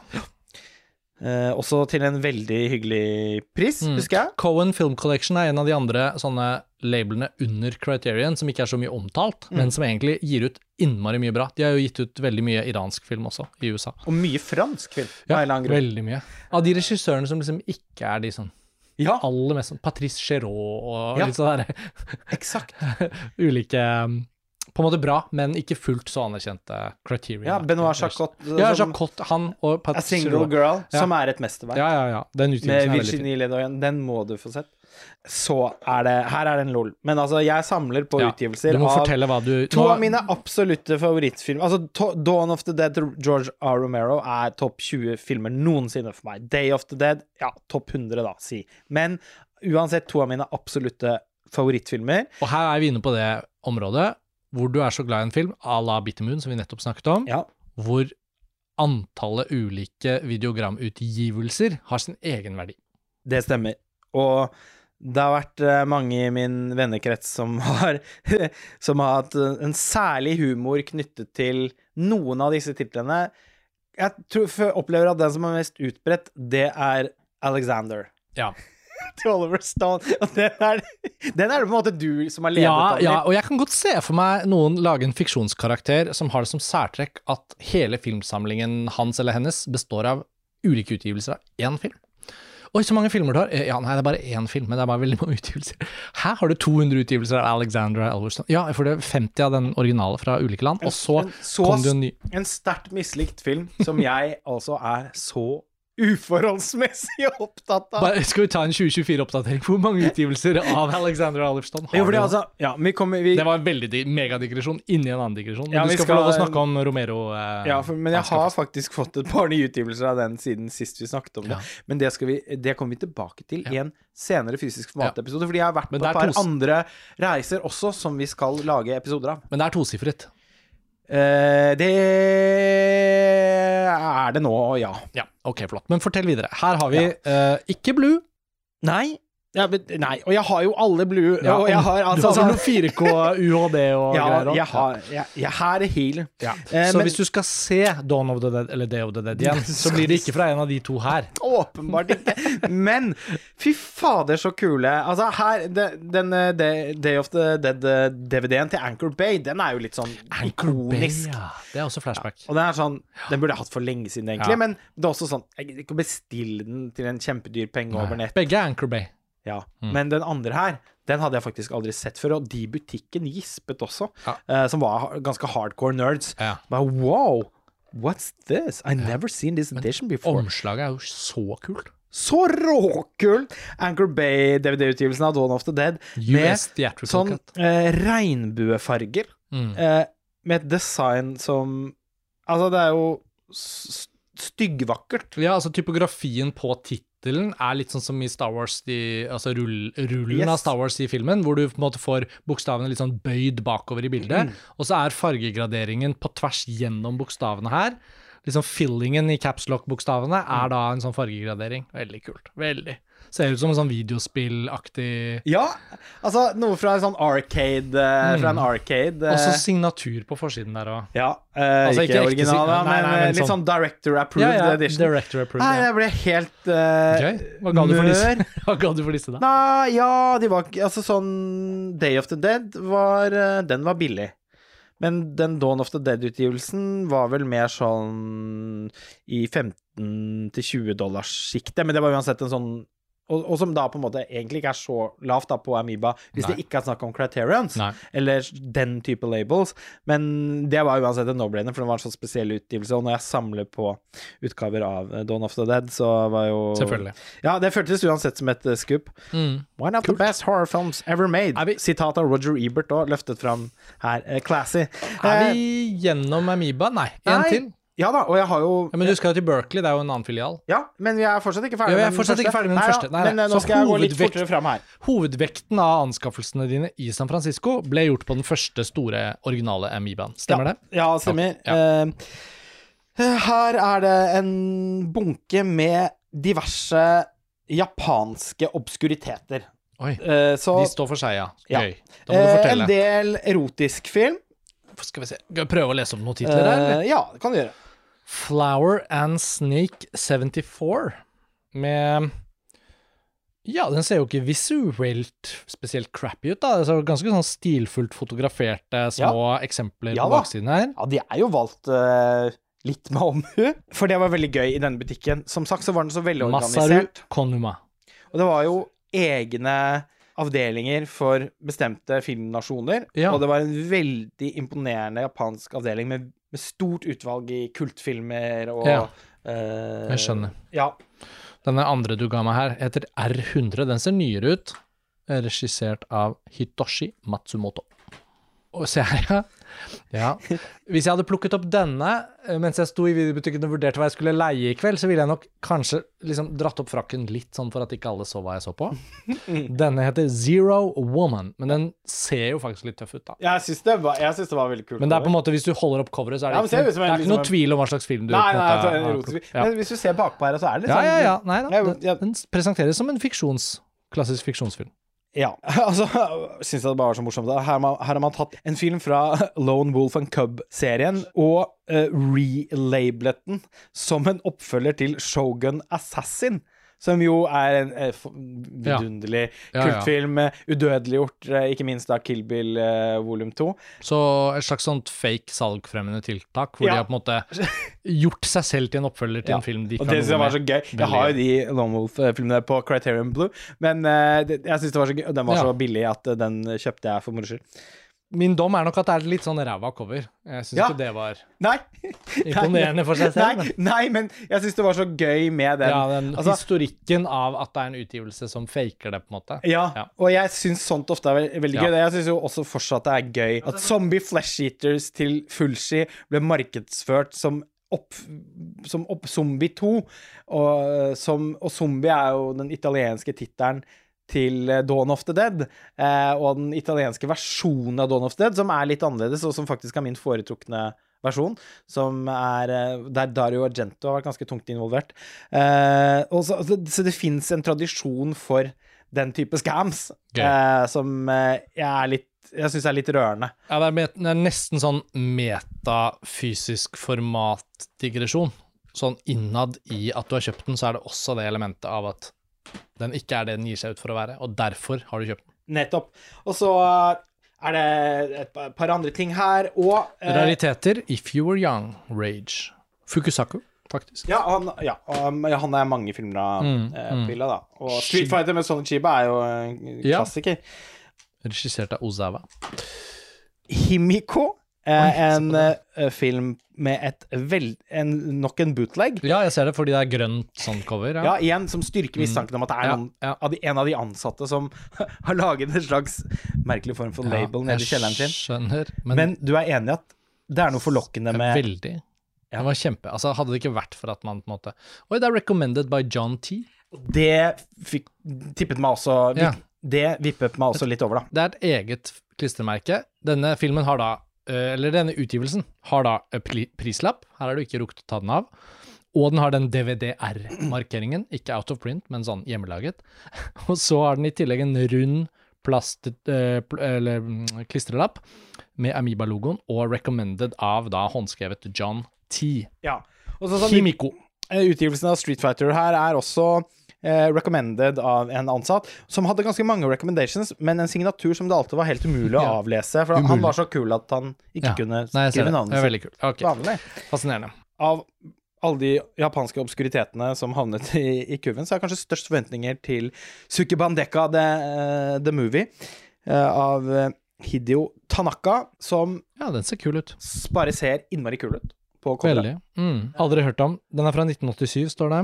Ja. Based on the popular Japanese TV series about a young high school delinquent recruited by a special police unit investigating juvenile crimes. Ja, og det er jo Altså, den, den føyer seg jo litt inn i rekken av sånne Sailor Suit-filmer fra 80-tallet, som, eh, som jeg syns er veldig kule, da.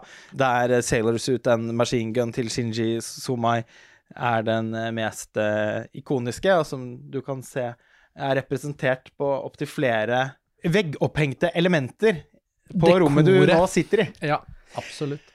Noe av det kuleste jeg har oppdaget i butikken, er en Blu-ray-utgivelse av Sergio Martinos TV-serie Private Crimes, som jeg ikke kjente til.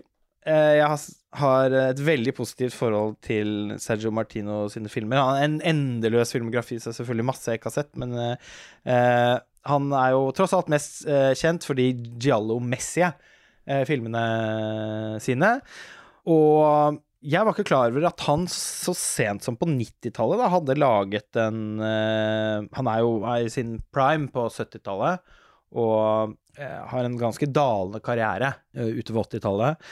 Men eh, her måtte jeg google litt, da, bare for å forsikre meg om at dette ikke er Men det var noe med måten utgivelsen var Med sånn sort Blu-ray-cover, som jeg alltid Mm. syns er veldig fint. Mm.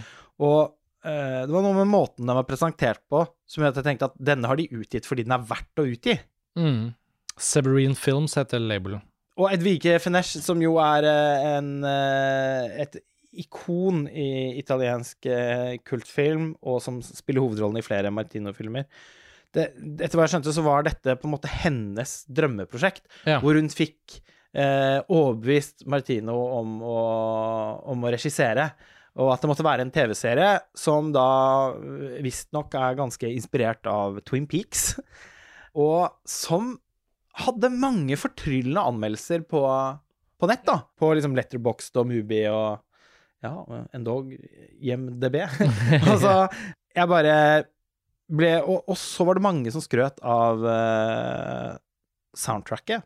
Som Kult, lot altså- til å være et syntbasert soundtrack. Så det, her var det så mange enkelter. Og et Vike Fenesh, på en måte, og i litt sånn comeback-rolle. For øvrig usikker på om jeg uttaler Jeg har alltid tenkt på, hver gang jeg sier det navnet, at det er meget mulig at det ikke er sånn det uttales. Jeg føler det er en av de vanskeligste kategoriene. Man tenker på henne som en italiensk ja. Man tenker på henne som en italiensk person, Ja. og så ser navnet litt sånn nederlandsk ut, jeg vet. og så skal man si det på norsk. Eller med norsk eh, som nordmann, da. Jeg vil, vet, jeg vil ikke prøvd meg, Nei. men jeg syns du, du gjorde en god innsats. Men jeg er ikke sikkert du har lyttere. Tror jeg det kan ikke være riktig. Edwige Fenesh Nei, hvem vet. Ja, iallfall. fall. Eh, veldig fornøyd med det kjøpet. Den Ja, kostet den så kul ut. 33,98 dollar. Så får håpe den lever opp til. Så jeg håper at den kan leve opp til den prisen. Men dette var et, virkelig et sånt klassisk tilfelle av eh, at formidlingen som foregår med fysisk format, er litt uslåelig. Og selv om vi nå skal fortsette podkasten, så tenker jeg det er greit for lytterne å vite at på dette tidspunktet gjør vi et litt sånn kapittelskifte, for nå skal vi over til en annen butikk. Og det betyr at for de som nå kanskje er på bussen og må ta på pause, eller som av en eller annen anledning har vasket ferdig gulvet sitt og ikke kan høre videre på podkast før de har neste god anledning, så kan man ta på pause her. Og så skal vi straks begynne å snakke om turen til Amoeba Berkeley. Så ja, avhengig av om folk tok seg en pause nå eller ikke, så skal vi i hvert fall over til en annen del av reisen din. Vi skal over til Berkeley, men det er fortsatt en Amoeba-filial. Altså, og du har jo allerede introdusert det, Lars Ole. Um, jeg vil starte med et spørsmål. Eh, Ja. Geografisk spørsmål, siden jeg ikke har vært i San Francisco. Mm. Men jeg har jo selvfølgelig hørt om Berkeley, og, eh, og alle som er Frederick Wiseman-fans, kan jo selvfølgelig henvise til filmen At Berkeley Yes. og uh, universitetsmiljøet osv. Alt det taler for seg selv. Men hvor fysisk lang er reisen? Hva er det vi snakker om her? Dette er på en måte Man tar lokaltog, eh, og det tar vel ca. 20 minutter eller noe sånt nå. Ja, men skal man over ha, over liksom fjorden, ikke sant? man, ja. Da mm. tar man bane under eh, vannet, Ja. og så kommer man opp i Oakland, okay. og så, sånn sk- scruffy by, og Mm. så havner man til slutt i i Berkeley. Ja, Eh, ja. Og, men man kan også Altså, man kunne på en måte også tatt en Uber Ja. uten at du ville blitt helt flådd, men det føltes jo veldig unødvendig, da. Men er det liksom over Golden Gate? Er det, er det et Nei. annet sted? Nei. Ja, nei, det er ulike. Den andre store broen der. Ja. Så um, eh, når man går over Eller kjører Gikk over Golden Gate, da måtte jo det. Ja. Eh, da kommer man til en by som eh, liten by som heter Sausalito, Ja. og som jo var eh, litt eh, på en måte et, et bucketlist-sted for meg utelukkende. Dette blir så spesifikt da. Men egentlig bare på grunn av eh, eh, det bandet i Lost in Translation. Å ja. We're Sausalito. Morsomt. Det var, ob- det var mer obskurt enn jeg hadde trodd, på en måte, via via. Ja, da så, det- så jeg forbinder det bare med Lost in Translation. Men, Men, det var en utrolig en, altså, en virkelig nydelig liten sommer, blir litt sånn Bodega Bay-aktig, for de som har sett Hitchcocks The Birds. Veldig kult. Um, vi får zoome inn på Berkeley. Vi skal til Amoeba igjen. Hva er forskjellen mellom de to filialene? Ta oss med litt til um, på en måte inngangen, sånn som du gjorde i stad. Du åpner døren, og hva møter deg? Ja, altså, filialen i Berkeley er den originale. Det er den originale, ja. Den viktigste Morsomt. årsaken til å dra dit var jo å se på universitetet, da. Morsomt, ja, selvfølgelig. Eh, Det er der jo- internett ble oppfunnet. Ja, tenk det. Så, og det var fantastisk eh, Flott. Og Amoeba-filialen ligger like ved. Og er da den originale. Og den dårligste. Eller minst fantastiske, Ja. blir mer riktig å si. For det er jo en innmari god butikk, men den var merkbart mindre enn de to andre. Og dårligere Eller kuratert, sortert, presentert, jeg vet ikke. Mm. Formidlingsbiten var uh, synlig mer fraværende der. Mm. Og de ansatte imponerte meg heller ikke. Fordi jeg kom faktisk her med en liten ønskeliste, også fra deg. Ja, altså jeg sendte jo egentlig bare inn ett ønske. Ja. Og det var jo også litt bare inspirert av at uh, vi har holdt på litt med ulike ting i kulissene av montasje. Ting som skal forberedes, ting som kommer. Og i havet av uh, ulike regissører man uh, har noen hull hos, så har jeg lagt merke til at taiwanesiske regissøren Ho Xiaoxiens film 'Millennium Mambo', som er et sånt helt unødvendig hull for meg, men likevel er det det, ja, fantastisk film. plutselig er utgitt av Metrograph, altså den fantastiske kinoen i New York, sin egen label på Blue. Og da tenkte jeg ok, den er helt fersk. Du skal til Amerika. Den kommer til å måtte være på en hylle i de butikkene. Det er bare å plukke den med, og så vippser jeg deg pengene for det. Og så kom rapporten din, da. Først så sa du jo, sa du jo det for sent eh, i, Ja. med tanke på Amoeba i San Francisco. Ja, men jeg kunne betrygge deg Ja. med Nei, men jeg kunne Nei. betrygge deg med at den var ikke der, Nei. fordi jeg blanda meg gjennom hele butikken. Den butikken var så eventyrlig godt organisert at det var jo en egen seksjon der for taiwansk film. Ja, så du må ha sett den. Så den hadde Ja. jeg sett hvis Ja. de hadde den. Jeg har den på DVD fra før av, Ja, vet det. men ville likevel vært veldig interessert i å oppgradere den til Blue. Mm. At Berkeley så hadde jeg da veldig spesifikt med Jeg hadde noen andre ting jeg lurte på, de hadde ikke det heller. Men uh, først så var det en sånn slags ryddegutt, men som hadde et sånt et så selvsikkert oppsyn at han ikke ga inntrykk av å ikke være en ekspert på sitt felt. Så jeg bare Sorry, I'm just wondering I have a couple of titles I would love to ask you Mm. if you Sorry, you can ask at the information counter. Å ja, med en gang. OK. Oh. Sånn. Det var en Helligbrødet, gamle du nå på Majorstua? i hvert fall. Hvis noen spør deg om noe som helst, så må du passe på å kunne svare og Ja, altså, en jeg ble veldig, umiddelbart veldig skuffet. Ja. Jeg tenkte sånn Syns Oi, det var noe av det morsomste service. med å jobbe i videobutikk, var jo å bli spurt om ting. Ja, og så sånn, det var liksom Aner du hvilken kunde du Her er det liksom sånn Dere skal hvert øyeblikk se at ja, ja, ja. jeg kommer til å gjøre dypt innhogg i samlingen deres her. Så det var en Ja, det var litt sånn at jeg, da jeg gikk ut, så gikk jeg litt sånn demonstrativt forbi Mm. han med kurvene mine, sånn at han skulle se uh, at eh, det ikke var noen amatør som hadde Nei. eh, som hadde prøvd å spørre han så vennlig med min mildeste røst om en servicetjeneste. Og så var jeg allerede liksom Jeg sto der og Jeg gadd ikke da å gå liksom gjennom hele butikken igjen til den info... Da tenkte jeg da ja, ok, da tar jeg det bare ved kassa, da. Ja. Men så kommer det en annen fyr, og så tenker jeg OK, jeg kan jo gi det en sjanse. Og, og han var jo vesentlig mye hyggeligere. Men uh, It's not really my I, I, I think I need to ask someone else. Just wait here. I, I find the right guy for you. Og så til slutt så kommer det en tredje person. Han var veldig hyggelig. Men han imponerte meg ikke så voldsomt sånn kunnskapsmessig Når du kom til Taiwan, da, eller? Ja. Ja. Det er sånn it Millennium Mamba? What is No. Uh, Millennium Mambo. Oh. So uh, it's uh, it's a Taiwanese movie. Oh, so it's a it's a martial arts film because we have a lot of that. They're Oi. over there. You can just Oh no, not really. It's, it's more of Taiwanese new wave, like more kind of a Wong Kar Wai ish movie. Uh huh. Oi! Varseltrekantene går av. uh, uh, well, I still, I but I can look it up. Millennium, Millennium Mam- Mambo, Millennium. Uh, uh, yeah, Millennium Mambo Og så fulgte jeg opp. No, sorry, it's not here. No. Ja.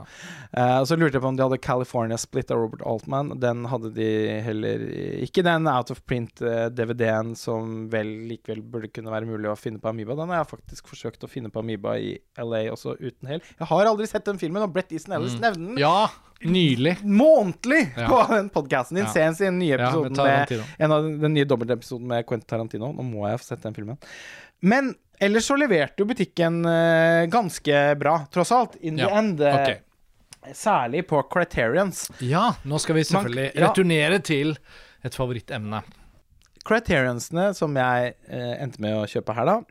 Uh, nei, uh, også her fant jeg uh, to av disse dobbelt-DVD-ene som vi begge har et så nært forhold Fra til. den midterste æraen til Criterion. Ja, og to som jeg virkelig har vært på jakt etter i mange år. Nemlig Godards ja, Le Mépris, da, eller Ja. Contempt. Ja, wow, den ser så fin ut. Er så fint design.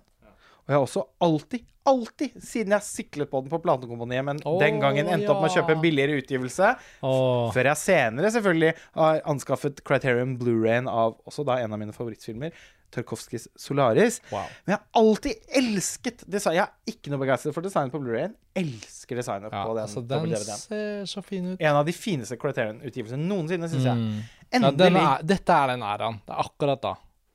Så fin den var. Fy søren. endelig fikk jeg klørne i den, og til en kjempegod pris! Altså, jeg tror den kostet 11,99 dollar. Så må få det. Eh, Andrzej Vaidas krigstrilogi, eh, den, ja. også fra samme æra, i tre enk enkle DVD-er da, i en boks.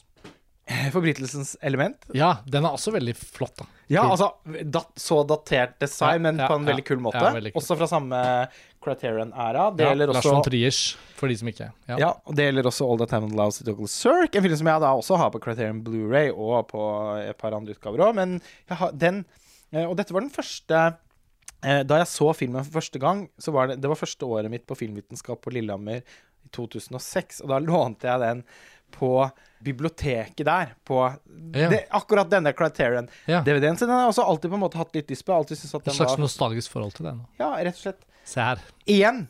Denne har vært en sånn skrikende mangel i min Kurosawa Criterion-samling. Nemlig DVD-en av Rashomon, som jeg fortsatt syns er kjempefin. Veldig fin. Veldig kult. De var, de var liksom Grunnen til at designet i den epoken der ble bedre, og ser bedre ut i sånn tilbakevirkende Den effekt. ser jo mye bedre ut enn Blu-ray. Ja, for den tar litt mer Den tar litt mer sjanser, på en måte. Eller Ja, jeg syns det føles mer ut som de er ute etter å forsøke å fange filmens Ja, ja, ja, ja. natur. At de er inspirert av filmen når enig. de designer, Enig. enn at de bare skal noe. få det til å se litt som Å, ser ikke det kult ut? Nei, nei, jeg er enig. Eh, fra samme Criterion-periode, Notorious, en av mine favoritt-Hitchcock-filmer. Også så fantastisk fin måte å destillere den filmen på i det coveret. Altså så fint.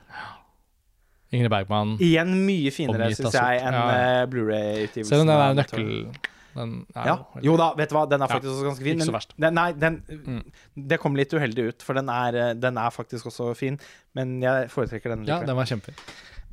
Og så noen uh, Criterion Av, ny, nyere dato. Yes! Eh, her, ja. oh, snart kinoaktuelle ja. Alexander Paynes Election. Ja, altså ikke Election, men altså Alexander Paynes siste film, The Holdovers. Ja, Snart som- kinoaktuell. Election, klassikeren fra 1999. Som, som, ja, jeg er veldig glad i Alexander Ja, Payne. jeg Jeg, jeg føler likevel at dette alltid kommer til å være hans beste film. Det tror jeg også. Det er jo et minimestverk, faktisk. Jeg Jeg har ikke oppgradert. Nei, Jeg har fortsatt den uh, Paramount ur... Ja, ja. eh, det Samme her, så det følte jeg det var virkelig på tide. Jeg husker veldig godt da vi tilbrakte eh, en dag med Alexander Han Payne besøkte jo Kosmorama filmfestival i Ja. sin tid. for eh, mange år siden. Møtte Møtte han var- også i Cannes den gangen. Ja, Lawrence Anyways ja. eh, og Amour-året, da han satt i juryen. eh, og, hadde, og han er jo så hyggelig. Så jeg møtte på han et par anledninger, og, og selv om han var i juryen, så hadde han ikke noe imot å snakke veldig åpent om hva han film. tenkte om, han, om de forskjellige filmene. Han, husker han hadde vært og sett Lawrence Anyways og bare Fuck that guy, he's 22 years old. Ja. I hate him, we can burn ja. hell. Ja, han likte den så godt. Ja. Eh, veldig imponert.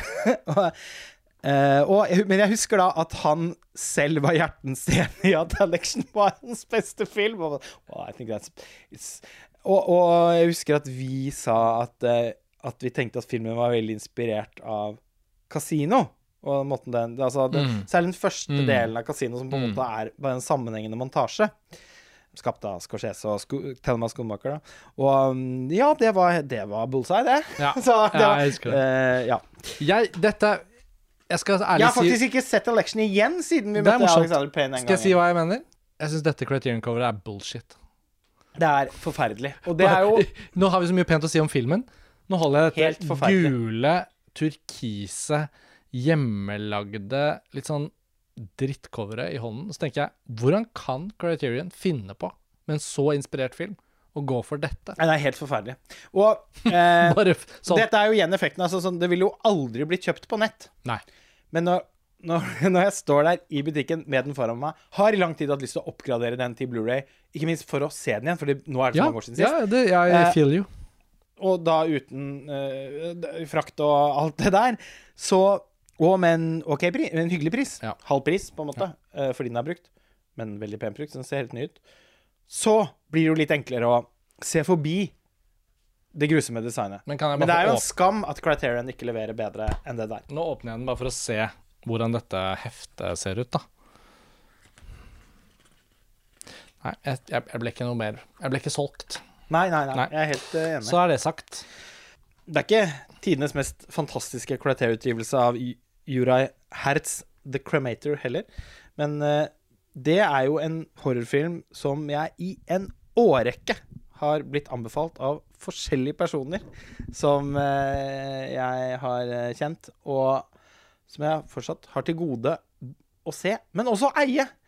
Og Second Sight har hatt en sånn DVD-utgivelse som vel har vært den som har vært mest i sirkulasjon. Men så, og den har jeg vært liksom, i nærheten av å kjøpe ganske mange ganger. Men så da Criterion annonserte at de skulle gi den på Blu-ray, så føltes det veldig naturlig. Ja, men da kan jeg bare vente på den. Mm. Så siden den, den er den ble utgitt i 2020, tror jeg. Mm. Og uh, det er jo siden da at det ble mye vanskeligere å få Criterions tilsendt på døren til en OK pris. Og så da, men nå var den der! Ja. Så det var helt perfekt Aldri timing. sett den, jeg heller. Fem, Er det eh, tsjekkisk? 15 dollar for Blu-rayen. Veldig god pris. Ja, tsjekkisk. Spennende. The Story of the Last Chrysanthemum uh, av uh, Kenji Mizuguchi. Som jeg jo har uh, på en australsk DVD fra før av. Som var egentlig ganske vanskelig å få tak i på fysisk format før Criterion utga denne for ja, nå er det sikkert en tre-fire år siden. Veldig fint design, da. Ja, veldig fint. Så her er det sånn at designet er veldig med kjøpsframkallende. Samme eh, Dette er jo også da en, en film eh, som jeg har, men bare på DVD fra før av. Rumblefish til Jeg har den på en slags sånn Steelbook, ja, Blue ja, fra England. Som jo selvfølgelig er, egentlig er veldig mye finere da enn den her. Ja, men det var ikke så verst. bare helt OK. Jeg har aldri sett filmen, Rumblefish. Det har jeg, men det begynner Mm. å bli Er den så god? Jeg husker den som en stiløvelse jeg har satt pris på, men jeg føler Jeg vet ikke, jeg tror jeg ville sett på den filmen veldig annerledes nå. For det er så fascinerende med Francis Ford so Coppola. Sofia Coppola er Ja. veldig Er du fan? Ja. Mm. For det er så gøy med Francis Ford Coppola at han har laget liksom noen av tidenes mest eh, berømte, anerkjente, enestående mesterverkfilmer, på en måte. Ja. Og så er den andre halvdelen av filmografien hans er sånne Hva var det, hva var det som skjedde her-filmer? Og jeg føler liksom det er egentlig ikke så veldig mye som er imellom. Men jeg har alltid følt at det er kanskje Rumble Fish og litt sånn The Outsiders der. Noen av de filmene som er sånn, litt sånn imellom der. Ja, altså, det, jeg syns jo en del av de filmene ikke er så vellykkede, mens andre Altså, jeg liker jo One From The Heart, da, for eksempel. Mm, aldri Den sett den. store fiaskoen. jeg har veldig lyst til å se den nå. Det har jo vært mye snakk om Francis Ford Coppola på podkasten til Brett Easton Ellis, som du name-droppet her i stad. Han har nylig intervjuet Sam Watson, en veldig bra eh, forfatter, får vi si, sakprosaforfatter, som har gitt ut masse bra filmbøker de siste årene. Han har skrevet en ny bok om Francis Ford Coppola. Som høres så fantastisk ut, og der gjenfortelles den epoken av Coppolas liv som tar ham gjennom alle de suksessene på 70-tallet, men også frem til katastrofen da med One From The Heart. Men her var det altså Rumble Fish du hadde kjøpt. Og de to siste i bunken her, da, for å komme gjennom criterionene Jeg ser du har Romeo and Juliet av Sefirelli her. Ja, og den har jeg på DVD fra før av. Og det hadde jeg faktisk ikke fått med meg at da Criterion hadde innlemmet i sin uh, collection i Skal vi se når, ja, ja, ikke sant? First Printing 2023. Ja. Så denne er jo er helt fersk. Mm. For den har jeg på DVD, og det er også en sone 1-DVD. En sånn litt tykk en. Og den tror jeg jeg fant på Book Off i New York da vi var der første gangen. Så den har jeg på en måte alltid tenkt at jeg har skaffet Sefirellis uh, Romeo og Julie på fysisk format. Ja. Den blir det å se, og så går årene, og så kommer Blu-rayen fra Criterion, da. Fantastisk score av Ja. Nino Rota, som jeg var så heldig å finne på vinyl sist jeg var i Tokyo. Lawrence Castans The Big Chill, som er på 80-tallslisten, og som jeg syns er en helt vidunderlig skjønn eh, film, og som er fra en veldig eh, liten æra i Criterion eh, Collection. Mm. Eh, de eksperimenterte jo litt med hvordan de skulle gjøre Blu-rayene i begynnelsen. Og eh, de førte jo sånn dobbeltutgivelser med både DVD-er og Blu-rays, som noen idiotiske fans protesterte så heftig mot at de sluttet med det. Fordi det var da altså mange som mente at Syns det var så fantastisk, jeg. Altså, alle oppegående mennesker ville jo bare sette pris på den løsningen. Men det var da noen som mente at de syntes det var forferdelig at Criterion skulle kreve av de at de på en måte måtte betale for Blu-ray når de egentlig bare skulle ha DVD. Det er jo litt rørende å Ja, tenke på at folk som er opptatt av Criterion, ikke tenker at når Criterion begynner med Blu-rays, Mm. så er det jo de vi primært skal kjøpe Mm. av de nye filmene som utgis. Eh, det å fortsette å liksom kjøpe nye Criterion-utgivelser som DVD-er, det føles veldig rart, syns jeg. All den tid man jo primært kjøper Criterions nettopp for bilde- og lydkvalitet. Mm. Men uh, de, det ble en slags sånn mobilisering på nett som gjorde Mm. at uh, de etter hvert kuttet med, ut med dette her. Men i begynnelsen så kjørte de de som litt så Altså, jeg har aldri sett dette formatet noe annet sted. Litt tykkere Mm. eh, Blu-ray-cover. De har jo da sånne gjennomsiktige Blu-ray-covere uten den eh, Hva skal vi kalle den? Blå plastrammen.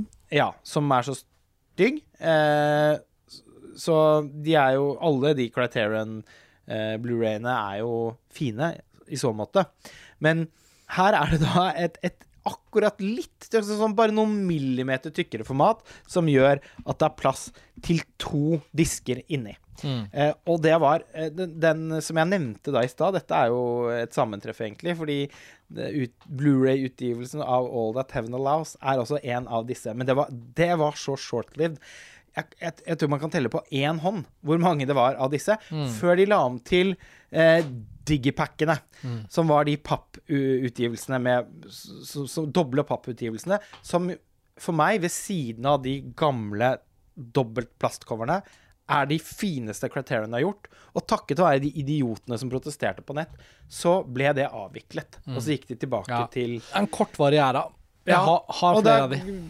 Utgivelsene av f.eks. Persona til Bergman, 'Breaking the Waves' til Lars von Trier, er i den uh, Mishima til Shredder, Mm. er i denne utrolig gjeve vi, vi liker de doble utgivelsene til Criterion. Uh, Jeg kan fortsatt ikke se for meg en bedre fysisk formatutgivelse enn Erik Romer-boksen fra Frankrike. Og den har, jeg, har vi nevnt noen ganger. Um, og vi snakker jo oftere om den også offline, holdt jeg på å si. ja. Men i Frankrike så tok de alle Erik Romers filmer som han noensinne hadde laget. For han holdt på rettighetene i sitt eget selskap, så alle var på samme sted. Og alle ble utgitt i en boks i det nydeligste pappdesign du kan se for deg. ja, altså, det er så Og hver eneste enkeltfilm lå inni coveret på DVD og Blue, separat fra hverandre, Ja, for brukervennlighetens skyld. Og selv om det var en fransk utgivelse, så var alt tekstet på engelsk. Og det er nummerert. Og du har en boks, og jeg har en boks. Jeg måtte bare nevne det. Det stemmer, og du kjøpte den først eh, Mm. i Cannes, og jeg var litt sånn eh, For den var jo ganske kostbar. Jeg hadde jo ikke så mange Romer-filmer fra før av, så ja for meg var det en no-brainer. Jeg hadde komplett. Ja. Så det føltes Altså, så det føltes litt sånn Og det er jo ikke skrikende Blu-ray-krevende filmer, alle sammen, i hvert fall. Ikke Dolby Atmos, på en måte, heller. Nei. Så, Så de har jo på en måte også gjort seg så greit på Ja. DVD. Men langsomt så ble jeg jo likevel eh, Jeg eh, taklet likevel ikke det. At, at du hadde den. så, og, og jeg syns jo det Altså, designet var så vidunderlig vakkert. Så. Ja. Og, og når jeg er så opptatt altså, hvorfor, hvorfor skulle det akkurat gå utover den boksen? Sånn totalt sett. Så, sånn, den, samme, det, den inneholder jo også så mye, så egentlig så var ikke totalprisen av den noe særlig høyere enn så mye annet jeg har kjøpt. Så på Amoeba i Los Angeles Det var ikke en av de gangene vi har vært Nei, der sammen, men en annen gang så, det. så dukket den opp like håndnummerert som din, og i aldeles perfekt eh, stand. Ja. Og da var den jo out of print i Ja, tillegg. men det er klart at det gjorde jo det det var- til Det var verdt å nevne, da. ja. Nå som vi var var- inne på sånn DVD og Blu-ray på hver sin disk som en slags sånn brukervennlighetskotyme. Til din skuffelse, for dette Eller du er ikke så Men for meg Du er ikke så barnslig Nei, som meg. nei. Men for meg Jeg ville vært skuffet over dette. Så tror jeg jeg kjøpte den for en litt lavere pris enn det du Ja. gjorde i Frankrike. Jeg kjøpte den på en måte ny på Fnac da den var aktuell. Og da ville man ha tenkt at håndnummerert som den er, Ja. så kommer jo denne til å øke voldsomt Ja, ja, i verdi. Men så Altså, jeg tror den landet Jeg tror vel den landet på noe sånn 2500-3000 norske, eller noe sånt. stemmer. Jeg betalte 2000 for min i Los Angeles. ja, ja. Uansett er det verdt men, det er jo, ja, men uansett så er det også litt merkelig, fordi av alle ting Jeg syns jo det er så rart noen ganger. Jeg ser ting i samlingen min Mm. som jeg aldri hadde forventet at skulle bli noe som eh, skulle få en så radikal økning i verdi. Mm. Og så plutselig så ser jeg det på eBay og bare Nei, gud. Men jeg er jo ikke sånn som selger ting. Altså, Nei. jeg legger jo ikke, nei. Det er ikke noe jeg holder på med. Så jeg bare, og da er det noen ganger så har jeg tenkt sånn Nei, men gud, dette burde jeg jo bare Dette burde jeg jo legge ut. Fordi det jeg kan kjøpe av Mm. Andre ting for denne altså Ikke sånn- for pengenes skyld, men Nei, for men hva for- du kunne omsatt de pengene i, i andre fysisk formatutgivelser. Ja, så blir jeg sånn det, Nei, men så tenker jeg nei, men jeg kan ikke gå jeg, ikke, jeg, Så har jeg heller ikke lyst til å bevege meg over dit, fordi jeg tenker det er ikke sånn jeg holder på. Nei. Det er Ting får veldig lett affeksjonsverdi for meg. Så Ja, ja. Eh, Men ja, det, av og til så, så, så er det bare så forbløffende, da, hva som blir stiger voldsomt i verdi, og hva som bare ja, nei.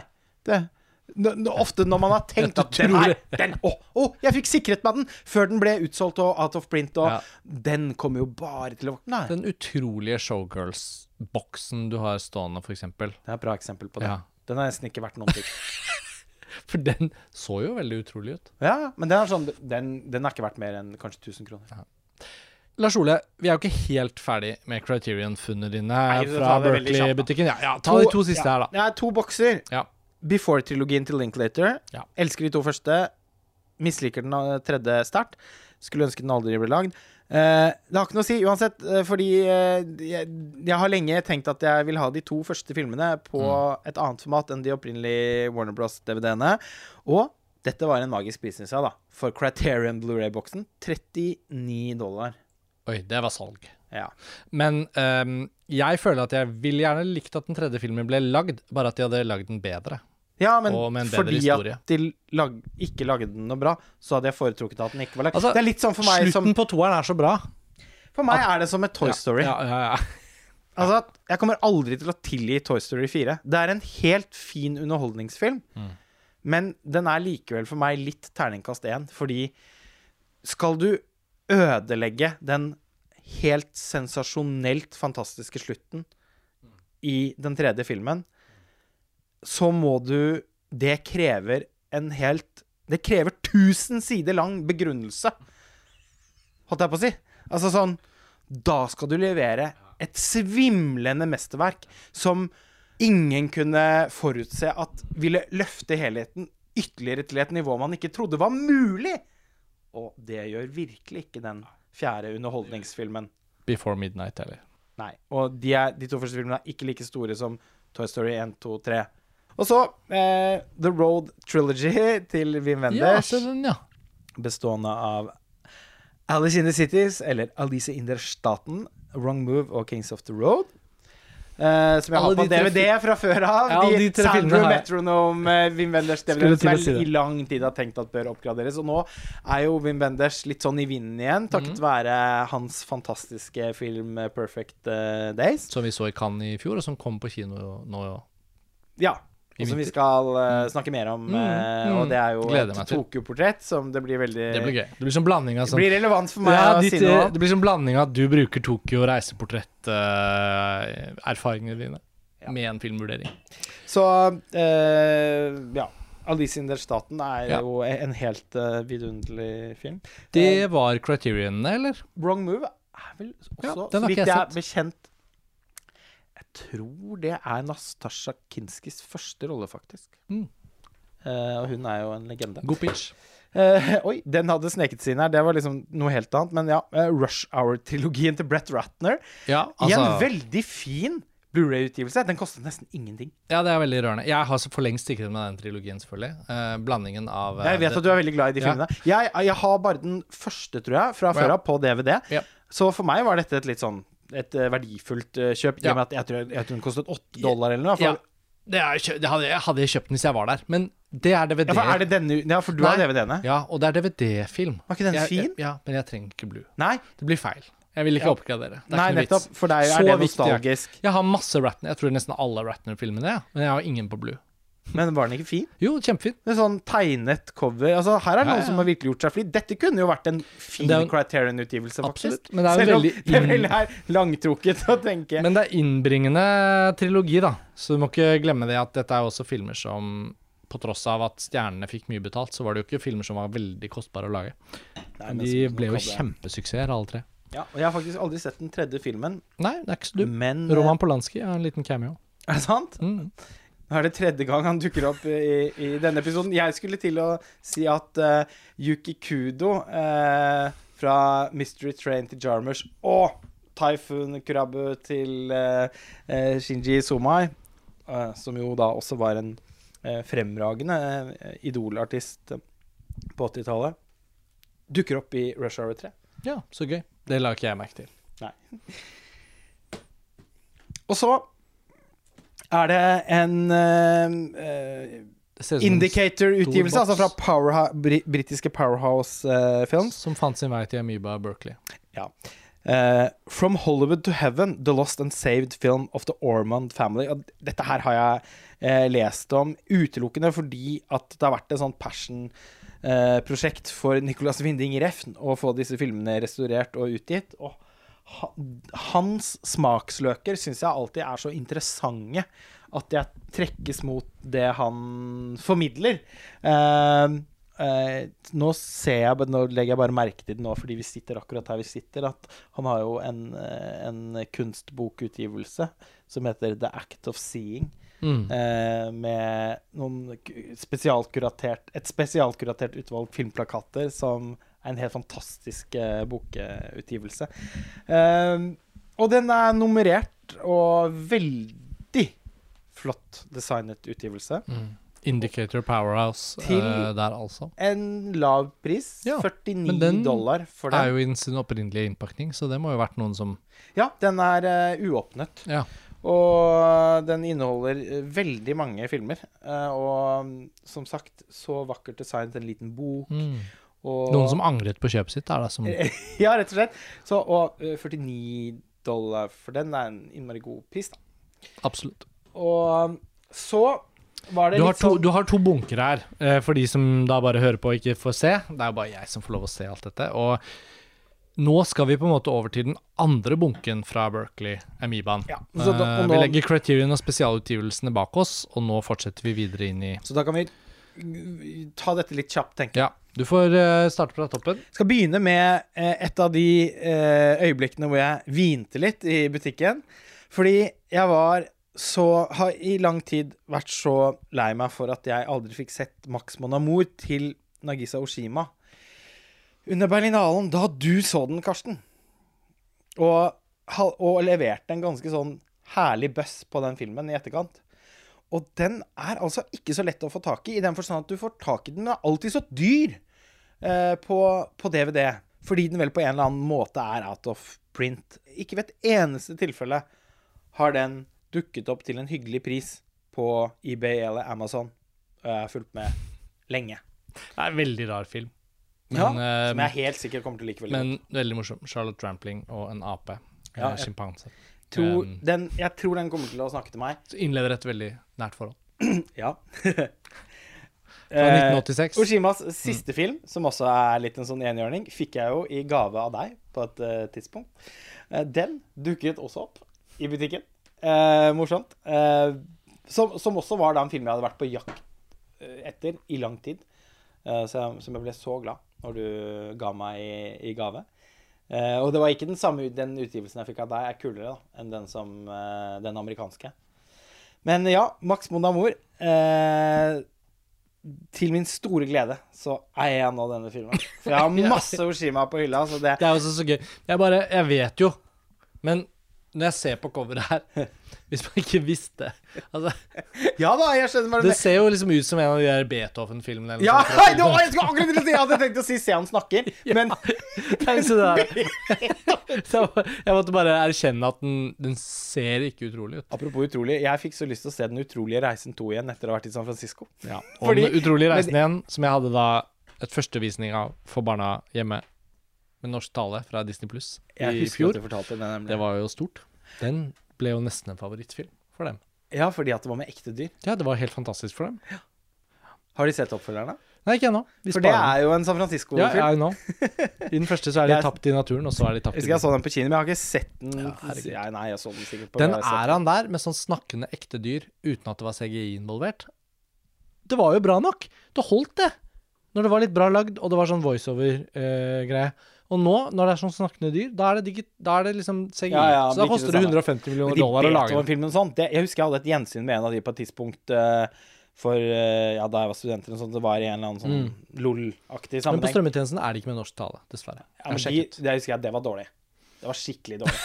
ja, det kan hende. Men hvis man skal vise det for barn, så tror jeg det ville vært en hit. Ja, ja, ja. Og det var de utrolig, den utrolige reisen av det som er på Disney Pluss av dette her, da, så var det den som hadde norsk dubbing fortsatt. Apropos gjensyn med filmer som var store da man selv var barn. Ja. Det ble jo gjensyn i romjulen. Og denne filmen kan jeg utenat, på en måte, da, men, eh, og, og jeg set, setter den skikkelig høyt, eh, også fra før av, men det ble et helt utrolig gjensyn med Mrs. Stofire. Ja, og jeg mener, vi oppsøkte jo flere Ja, locations det var det jeg og sånn fra den filmen mens jeg var der. Det er jo en San Francisco-film. Inkludert mis- altså huset, Huset? som familien Ja. bor i og sånn. Som ligger i Pacific eh, Heights. Men altså, det er jo er sånn en av de helt sånn store amerikanske filmene, egentlig. Fra den æraen, da. Mm. Eh, den er altså så Både så gripende og så ustyrtelig morsom, og så bra fortalt. Chris Columbus er en så fantastisk bra filmforteller. Altså, Hver jul så ser man jo Hjemme alene 1 og 2 igjen, og jeg blir jo helt sånn slått i bakken av. Altså, det, er jo altså, ikke særlig den første filmen. Eh, jeg er like glad i den andre, men sånn den første filmen som jo da på en måte har en originalitet som den andre nødvendigvis ikke kan skilte med, i og med at det til dels også er en remake. Men sånn, det er sånn perfekt oppfølger. Mm. Uh, bigger, longer and uncut. Mm. Uh, sånn, samme konsept. Dette konseptet er så bra at vi må gjøre det en gang til. Men vi flytter det til storbyen New York. Mm. Plaza Hotel, altså Den filmen har jo vært vel så formativ. Og for ting jeg liker sånn. Jeg har sånn kjempebarnslig forhold til å bo på hotell og sånn, og takket være den filmen. Jeg husker jeg lekte at jeg bodde på Plaza Hotel på mitt eget rom og sånn da jeg var liten. Eh, men Mrs. Doubtfire, som du var inne på, ja. eh, er jo også et testament til Robin Williams' Ja. utrolige eh, talent. Og mens du så den, så så jeg Good Morning Vietnam. En film jeg egentlig aldri har sett ordentlig, men som Nei. jeg husker som parafrasert fra TV3. Litt altså sånn samme for meg. Så han, eh, han Ja, det er ikke så mye å si om den, men det var liksom en Barry Levinson-film jeg ikke hadde sett, og det er jo Ja. litt en filmografi jeg sakte, men sikkert jobber meg gjennom. Og Ja. ja, nei, det var bare et eller annet med å se Robin Williams igjen i sånn toppformmodus fra den epoken da han på en måte ikke could Altså, do no at wrong, da. han ikke ble Oscar-nominert for Mrs. Doubtfire, det er for ja, meg helt De det, fikk altså, liksom tatt igjen. Ja, men det var, filmen var jo så stor òg, og ja. det var jo på en måte en kritikerrost megablockfamilieblockbuster. Eh, Om skilsmisse. tenk. ja, og en av de mest temaer. skremmende Ja, filmene rørende. om det. Altså, man Dypt ble rørende. Jeg husker jeg ble så det, Jeg ble ofte ja, Mine foreldre har alltid fortsatt å være gift, Mm. men uh, Det eh, horror for deg, det der Ja, scenarioet. men det var sånn og, Men når man ser filmen nå, så bra spilt den er av de barna. Mm, og Sånn, mm. Mara Wilson, som senere gjorde Matilda, er jo hel, sånn, et funn av en sånn Her sammen som bitte liten Ja, barneskuespiller. ja. Men så hun storesøsteren og sånn. Og fy søren, så bra hun er. Mm. Eh, en av, fortsatt en av Pierce Brosnans beste roller, som Stew. Men du og jeg, vi, har- vi har jo vært enige om Mrs. Doubtfires litt sånn mesterverkaktige kvalitet lenge. Ja, jeg vet. Men, du har eh, også hatt noen sånn ja, ja, ja. med den. Men jeg syns den er veldig relevant å trekke inn som San Francisco-film, da. Men Ja. jeg ser ikke at du har sikret deg et nytt eksemplar av Nei, jeg- nei i bunken her. Nei, jeg har ikke det. Har ikke det. Vi var på Nagisa Oshimas eh, Ja, men jeg må jo da, altså, bare fordi vi nå nevner Robin Williams, så har man jo også laget en sånn minnelund for Robin Williams i Golden Gate Park, Er det sant? hvor og Dit måtte jeg jo dra. Ja, men vi, vi, det er en sånn, litt sånn rørende bunke du har igjen her, da, Ja, til slutt. det, du får ta oss gjennom det, Lars Ja. Ole. Altså, jeg har da ikke Blu-ray, Criterion Blu-rayen av Oldjoy til Kelly Rackard, og har heller aldri sett den filmen. Nei, Det er vel den eneste Rackard-filmen jeg ikke har sett. Ja, den er veldig fin. Jeg husker at du skrev om den da vi laget en sånn omakase Mm. Ja, ja, ja. om vennskap på film, eller noe Ja, og den er jo veldig Altså, det rørende med Kelly Reichardt er Hvis man liker én film, så er nesten alle i stand til å levere på det ene eller andre nivået. Ja, det er jeg helt enig i. I, i, for å snakke om henne som en vin, så kan man si at uh, Meeks Cutoff er det tørrere slaget. Ja, Litt- det er en Riesling. Ja, det er litt sånn at du må virkelig være dedikert. Ja. Det er den jeg tenker er mest ytterpunktet, egentlig. ja. Og så har du alle mesterverkene på midten som liksom er sånn OK, det er Kelly Ride. Det er derfor du ser hennes filmer. ja. Eh, Wendy and Lucy. Og så har man liksom Night Moves, som er noe litt annet, og ikke fullt så vellykket. Ja, det er en litt sånn dårlig vin. Men så har du liksom sånn First Cow og Ja, Showing Up helt ja, Certain to. Women. Nei. Alle de, de tre, er, det er mine tre favoritter. Da. Det det? Jeg syns faktisk alle de er bedre enn Wendy and Lucy også. Ja, Wendy and Lucy vil alltid ha hjertet mitt. Jeg vet. Det er en fantastisk er filmskaper. Nå har du endelig Old Joy, og det, det morsomme er jo at det er jo litt sånn vintage å ha den DVD-en. For dette er jo også Kino. Og Ja, og det er, jeg syns dette er en ganske fin DVD, da. ja, og Old Joy var jo en Til film 4,99 dollar. Nettopp. Og den filmen her kom jo i de årene som nå er litt filmhistorie. Samtidig med Mumblecore-filmene. Samtidig med at uh, veldig mange sånne bitte små amerikanske indiefilmer, inkludert denne, ble laget på litt sånn lave budsjetter. Greta Gerwig fikk sitt gjennombrudd som skuespiller. Det er de årene der. Så akkurat den DVD-en er jo egentlig mer sann om Oldjoy, hvor den kom fra, vet, enn den nye Blu-rayen. De samme tankene strømmet gjennom meg idet jeg Den er valgte skutt å på 16 kjøpe den. så det gir mening å restaurere den. Men eh, ja, har du forresten noe forhold til artisten Bonnie Prince Billy? Bare gjennom den filmen. Ja, for det er jo da uh, Will Oldham som spiller. Det har alltid gjort meg veldig sånn nysgjerrig på den. Er veldig bra musikk av Yola Tengo. Uh, The Last Laugh uh, Enda av, en eh, Kino Murnau, Video eh, Ja. her. eh, som jo er en eh, film eh, jeg har sett for mange år siden, og som er innmari god. Men som jeg merkelig nok ikke har eid før nå. Så det var sånn, Den, sånn, den har stått på listen min over sånn viktige hull å få fylt i samlingen lenge. Men så har det også føltes som en sånn film som alltid er litt tilgjengelig, og som derfor Ja. man, man kan på en måte vente på at fisken biter. ja. Eh, og nå bet den. Fra 1924, og i denne DVD-utgivelsen du har her, så kommer den med et uh, musikkspor av Timothy Brock. Ja, Det er ikke noe det har betyr. Nei, nei, men altså, det er alltid interessant. Dette er jo Men det er liksom når jeg- Emil bare- Jannings store Ja. rolleprestasjon. Det er kanskje det filmen er mest kjent for. Men det er også gøy, før uh, ting ble sånn overrestaurert på Blue, som ikke er negativt selvfølgelig, så var det jo mange DVD-er som også ble forseggjort. Som om det ikke kom til å komme et bedre format etterpå. Ja, og dette og er- denne er en ser ut sånn som en. en skikkelig fin utgivelse. Ja, og det var Kult. også ingen pris.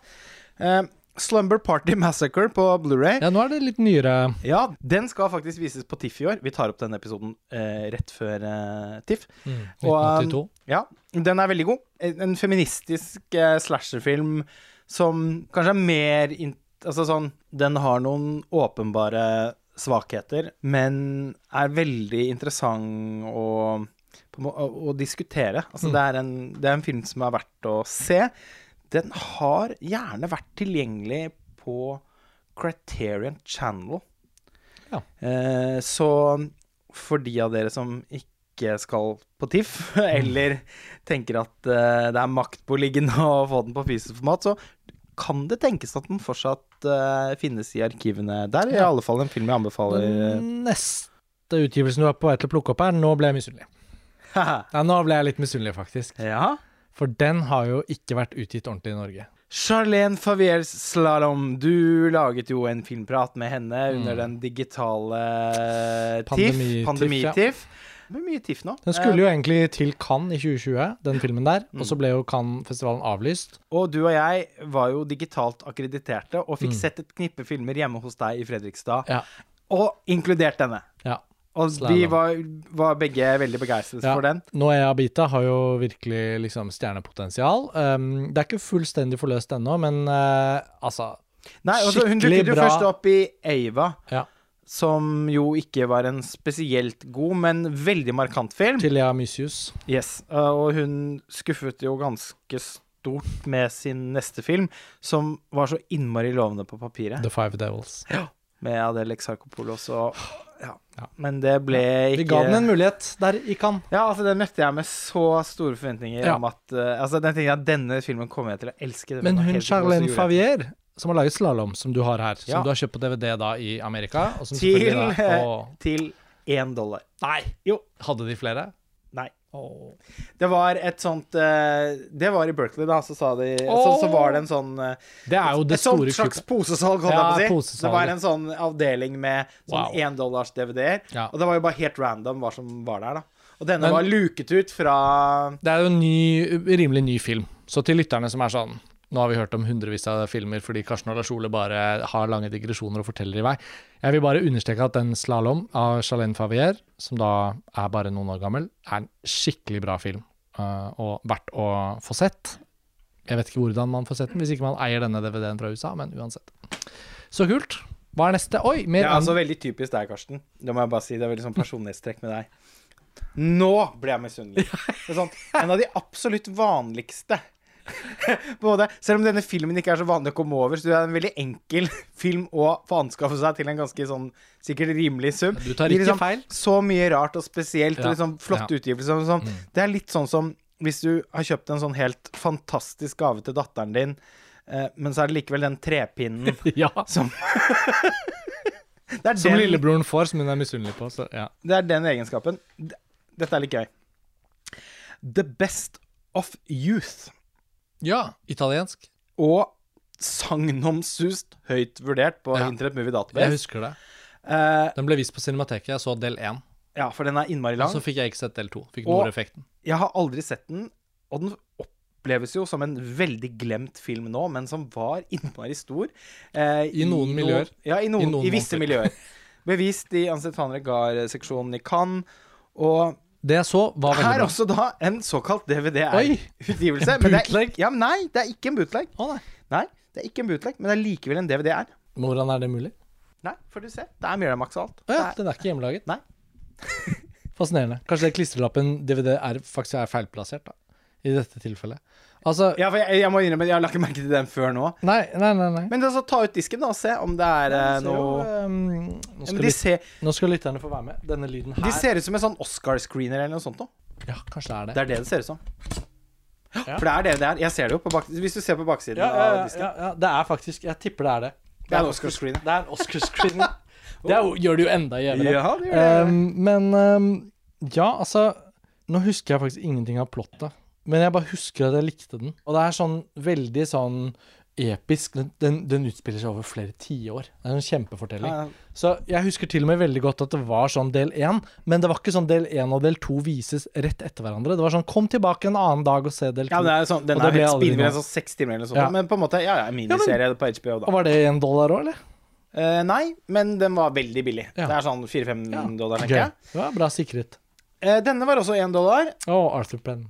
Night Night Moves, Moves, eh, ja. som jeg vet at du har sett Ja, og var på og en måte litt uh, underveldet av. Men Ja. eh, den har jeg likevel alltid vært nysgjerrig på. 70-tallsklassiker med Gene Hackman.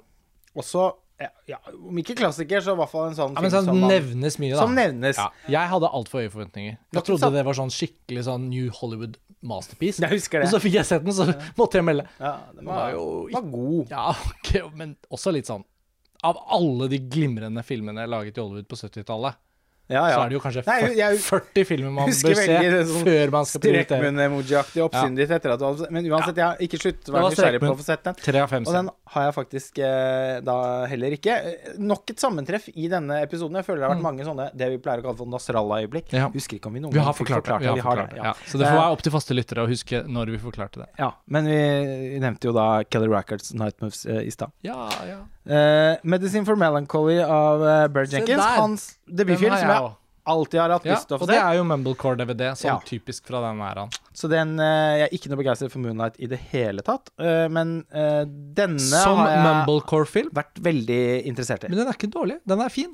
Hørt masse bra om denne filmen. Og det, er altså, sånn, jeg har ikke noe mot han. Nei, det er bare nei, nei, nei. Spesifikt Moonlight som Vi lagde jo en episode Chloé Faulkner var gjest den gangen. Jeg og henne snakket om Underground Railroad, som jeg tenker er det beste Barry Jenkins har laget uh, som verk. da. Det er jo en serie.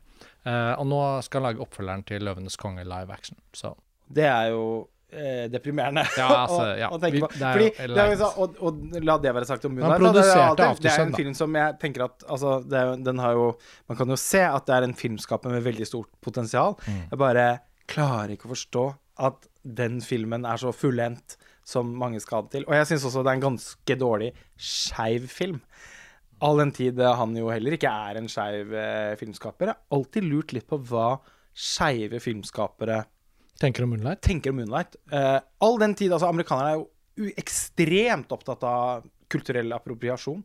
Uh, jeg syns det er litt underlig, egentlig, at den ikke har blitt eh, tatt hardere i hva gjelder det. Eh, I all den tiden også er veldig Altså, det er en ganske sånn Det er en film som virker veldig engstelig for seksualitet. Altså, den er jo Veldig forsiktig. og- Veldig forsiktig, mm. nesten sånn platonisk. Ja. Veldig underlig skildret noen av de seksuelle utforskningsscenene der, minnes jeg. Ja, OK. Ja. Eh, nok om Det skal ikke være en episode om Moonlight.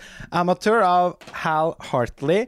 Al Eh, Hartley, der kom han inn fra venstre. Yes. En, altså, det er en sånn DVD som det ikke er helt Ja, enkelt å få has på.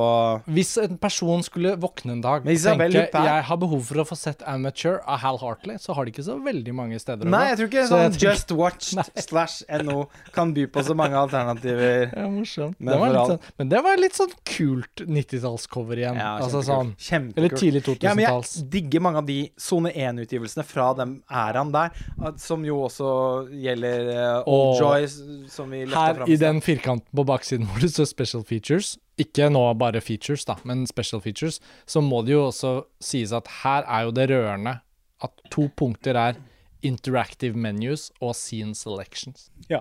Det er en spesialmulighet, Lars Ole. Du kan velge hvilken scene du vil se, og, og du kan få interaktive menyer. Jeg husker jo at da DVD-en var ny, så var jo det også litt utrolig. Men Ja, altså, det med scene selections var litt utrolig. For istedenfor å spole på VHS i evigheter og bare gamble på hvor i filmen du var, Ja. så kunne du faktisk skippe. nå er det bare tre igjen her. Ja. Eh, Det kan hende lytterne setter pris på at vi kommer i mål med episoden, så la oss spole gjennom det. Ivan Wrightmans Stripes, som jeg aldri har sett, men alltid vært nysgjerrig på pga. Bill Murray. da Veldig gjenkjennelig fra VHS-alderen. Extended cut, også til én dollar. Pappcover Men har du sett filmen? aldri. Nei. Nei. Det er sånn militærkomedie. Jeg forbinder det med den Private Benjamin med Goldie Hawn, Ja, den er jo ganske god. som jeg husker også som en sånn VHS-tittel. Ja, altså den er sånn Den synes kunne det vært interessant å se opp igjen nå. Mm. På samme måte som jeg i lang tid har tenkt at å, fy søren, det hadde vært gøy å se opp igjen Politiskolen! altså, jeg endte faktisk opp med å kjøpe de filmene uh, i en Blu-ray-boks her forleden. Ikke med tanke på kåringen av 80-tallets beste filmer. Selv om det hadde vært veldig gøy å Jeg ler. Rolig. sjokkere med. Uh, og 141.-plass Politiskolen 2. Altså, Bobcat Goldthwaite ble jo selv filmskaper. Og når han ankommer The Blue Oyster i Altså, jeg bare ser for meg de filmene nå som et sånt 80-tallsmareritt som på en måte også går litt gjennom arket og blir litt ordentlig morsomt. Dette tidspunktet i denne podkasten, i alle våre 500 og snart Snart 600 podkaster, så presenterer jeg nå et deep cut som bare de aller fasteste lytterne skal få tilgang på. De som har hørt helt til nå. Jeg har aldri sett noen av Politiskolen. Helt sinnssykt! Det er jo ikke mulig. Jeg vet at du vet det, Jeg og jeg vet vet at at, du ønsker at jeg skal si det ofte, og nå gjør jeg det. Det var jeg veldig glad for at du nå Ja. delte med verden. Og Det er jo helt Det er jo ikke til å tro, Karsten. det er jo Jeg vet jo Jeg vet at at mange det- nå mister At det var veldig analogt på Ja, Steinerskolen. Jo, der og sånn. ja, og jeg vet at mange nå mister tiltro til all min på en måte eventuelle kunnskap om film og autoritet når det kommer til Det er klart at For mange er jo dette ja, grunnmuren. Når man, når man har innrømmet at man aldri har sett en Politiskolen-film, så føler jeg at man også avslører at man ikke var til stede i samfunnet på noe vis Ja, på på 90-tallet. Ja. Og 80-, 80- og 90-tallet. Men sånn TV-visninger av de filmene, som jeg selvfølgelig har registrert at har skjedd Ja, for de gikk jo ustanselig på TV Norge. Altså, det det var mulig uten stans! Det var jo ikke Ja. mulig å ikke få med vet, seg. jeg vet, jeg vet. Og jeg vet at I sånn denne 9, lille 10, 11, 12 års alderen. ja, og denne deep cut-sannheten, den avslører jo også hva nå enn det var som gjorde at jeg ikke satt der og fikk med meg i det minste én av dem. Er jo litt avslørende, da. Men dette burde jo bli, det burde jo det bli en fysisk format-episode, at Ja. vi ser Politiskolen 1 og 2. Altså- og bare lager en podkast om det. Jeg tror på en måte virkelig at Inntrykket mitt er jo selvfølgelig at ingen av dem har noen verdi for meg nå. Nei, og det er jo helt åpen Altså, på en måte Så det blir jo ikke kan- å tette det hullet der før noe annet. Nei, altså, jeg holdt på å si Jeg kan jo aldri forestille meg at de er i kategorien Ja, de har virkelig holdt seg, men jeg vil tro at de har en litt Eller annen de må man ha på blue, for eksempel. Nei, det er jo helt vanvittig. Men, men jeg forestiller meg at det kan være veldig interessant og gøy å se dem in this day and age. Um, Kanskje. Du får bevege deg videre. Du har to filmer igjen på bunnen av uh, bunken her. ja, det stemmer. Og det er da to ytterligere Andy Warhol-bootlegs. Ja, som vi snakket om For det var jo da Føles det ut som for noen timer siden? Ja, eh, for, fordi det var jo da San Francisco-filialen som hadde så mange bootlegs, og som skapte en, Hvor Hvor man fikk sånn feeling at det var en av de ansatte kanskje som produserte disse Ja. utgivelsene. Hvor er det de ligger hen? nå? Et, Et par av de har vel da forflyttet seg, da, kanskje, til eh, Ja, nettopp. Lonesome Cowboys og Beauty 2. Fascinerende. Eh, også Her er de to andre, Lars Ole. Nothing Special Editions. Batman, Dracula og Kitchen. Nå Ja. har du alle fire samlet. Yes, og jeg har en del World eh, Altså ikke-bootleg-utgivelser av World på hylla fra, fra før av. Så disse vil stille seg veldig pent ved siden av. Og du spurte jo også på et tidspunkt tidligere i episoden Er det sånn at du liksom har andre bootlegs, eller er dette Selvfølgelig har jeg det, fordi Ja. man støter på situasjoner hvor det er eneste mulighet. Jeg har en bootleg av eh, Mamuro Oshis eh, Angels Egg, for eksempel. Eh, den er ikke mulig å få tak i på en annen eh, måte. Jeg har en del bootlegs av Mikko Narus eh, sine filmer som er umulig å få tak i, og som faktisk er De er jo restaurert gjerne av, av japansk eh, filminstitutt Ja. og vises på cinemateker og sånn, men, eh, men er ikke utgitt eh, på, på fysisk format. Iallfall ikke i, i utgivelser som er tilgjengelig nå. Men det er noen sånne ildsjeler som la, har laget sånn skikkelig høykvalitets bootlegs av de, og selger de på eBay for en ganske hyggelig penge òg, okay. som virkelig bare bidrar til å sørge for at formidlingen av Mikki og Narus det er ikke et internasjonalt kriminalsyndikat som tjener store penger på Nei, det kan man ikke på si. Dette er, det er bare helt fantastisk god Formidling. Eh, for- for- formidling. Det er også en del eh, Mizuguchi-filmer som bare er tilgjengelig på den måten, og som jeg også har kjøpt. Men Lars Ole, sånn helt til slutt. Ja. For de som kanskje hadde et håp om at denne episoden skulle være en slags reiseguide også, så har de kanskje vært litt skuffet underveis her. Det startet jo bra, med mye tips og, og, og geografiske pointers i San Francisco. Og så ble det veldig mye fysisk Ja, og det var jo meningen. Ja. For det er jo det vi driver med her. Men når, det, når vi først har vært gjennom alle disse uh, videogrammene, så er det jo litt hyggelig om vi kunne avslutte med noen sånne San Francisco-relaterte tips. Og da har vi jo utelatt foreløpig et element av filmkulturen som er gøy å fortelle om når man har vært i en by. Ja, altså, Hvordan var det med kinoer? ikke sant. Jo, jeg fikk dratt på to eh, kinoer. For jeg, så det er, er det en som het Castro eller noe sånt, som jeg har hørt om, som skal Ja. være bra? Ja, stemmer. Eh, den ligger i området Castro, da. Ja. Som er eh, det skeive, legendariske skeive Ja, området nettopp, i ja, ja. San Francisco. Liksom Gus- Gus Fantastisk fasade på den kinoen. Jeg har sett, stått utenfor flere kinoer enn jeg har eh, løst billett til filmer på. Mm. Men jeg fikk eh, sett eh, to kinofilmer i løpet av turen. Det var eh, Godzilla minus one på AMC-kinoen i eh, Japantown. Ja, like ved. Pacific Heights. Den har også gått på kino i Norge før jul. Ja, på Cinemateket i hvert fall. Ja, Den likte jeg utrolig godt. Det tror jeg er en film du kommer til å være helt vanvittig begeistret for. Jeg hadde ikke vært for fødselen av mitt tredje barn, så tror jeg kanskje jeg hadde prøvd å få sett på kino. Den- jeg vet du- ikke om jeg får anledning. Nei, den den- ser ikke ut til å gå lenger nå. Men, Det får bli på ja. fysisk format, Ja. men jeg kan garantere at det er en film som du kommer til å få en litt sånn er- sterk opplevelse med. Ja. Det var ikke et øye tørt, uh, faktisk. Det er en veldig såpass. bevegelig Ja, men film. jeg gleder meg. Og med et Eh, helt insane bra score. Oi. Det må du sjekke. Det kan, du, liksom det kan du godt skjønt- sjekke ut på Spotify i forkant, fordi det, har, det lar seg lytte til også Jeg har skjønt bøssen litt.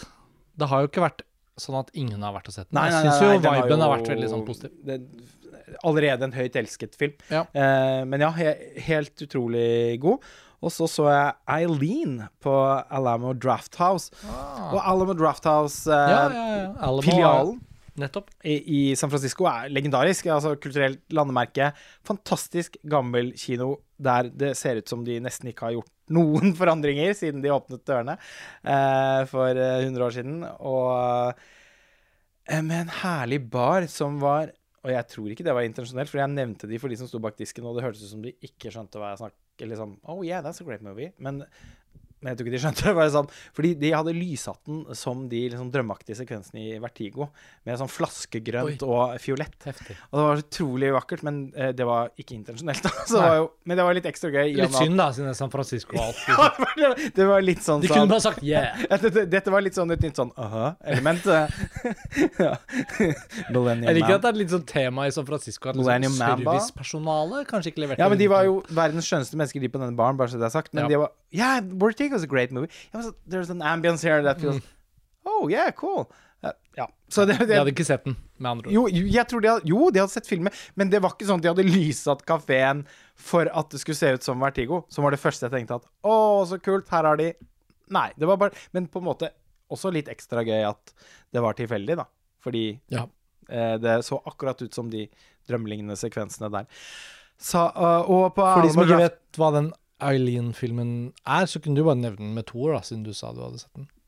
Det er en ny amerikansk independent-film, er det ikke det? Basert på boka til Atesha Morsvegg. eh, av regissøren som eh, debuterte med, og fikk et slags gjennombrudd med Lady Macbeth.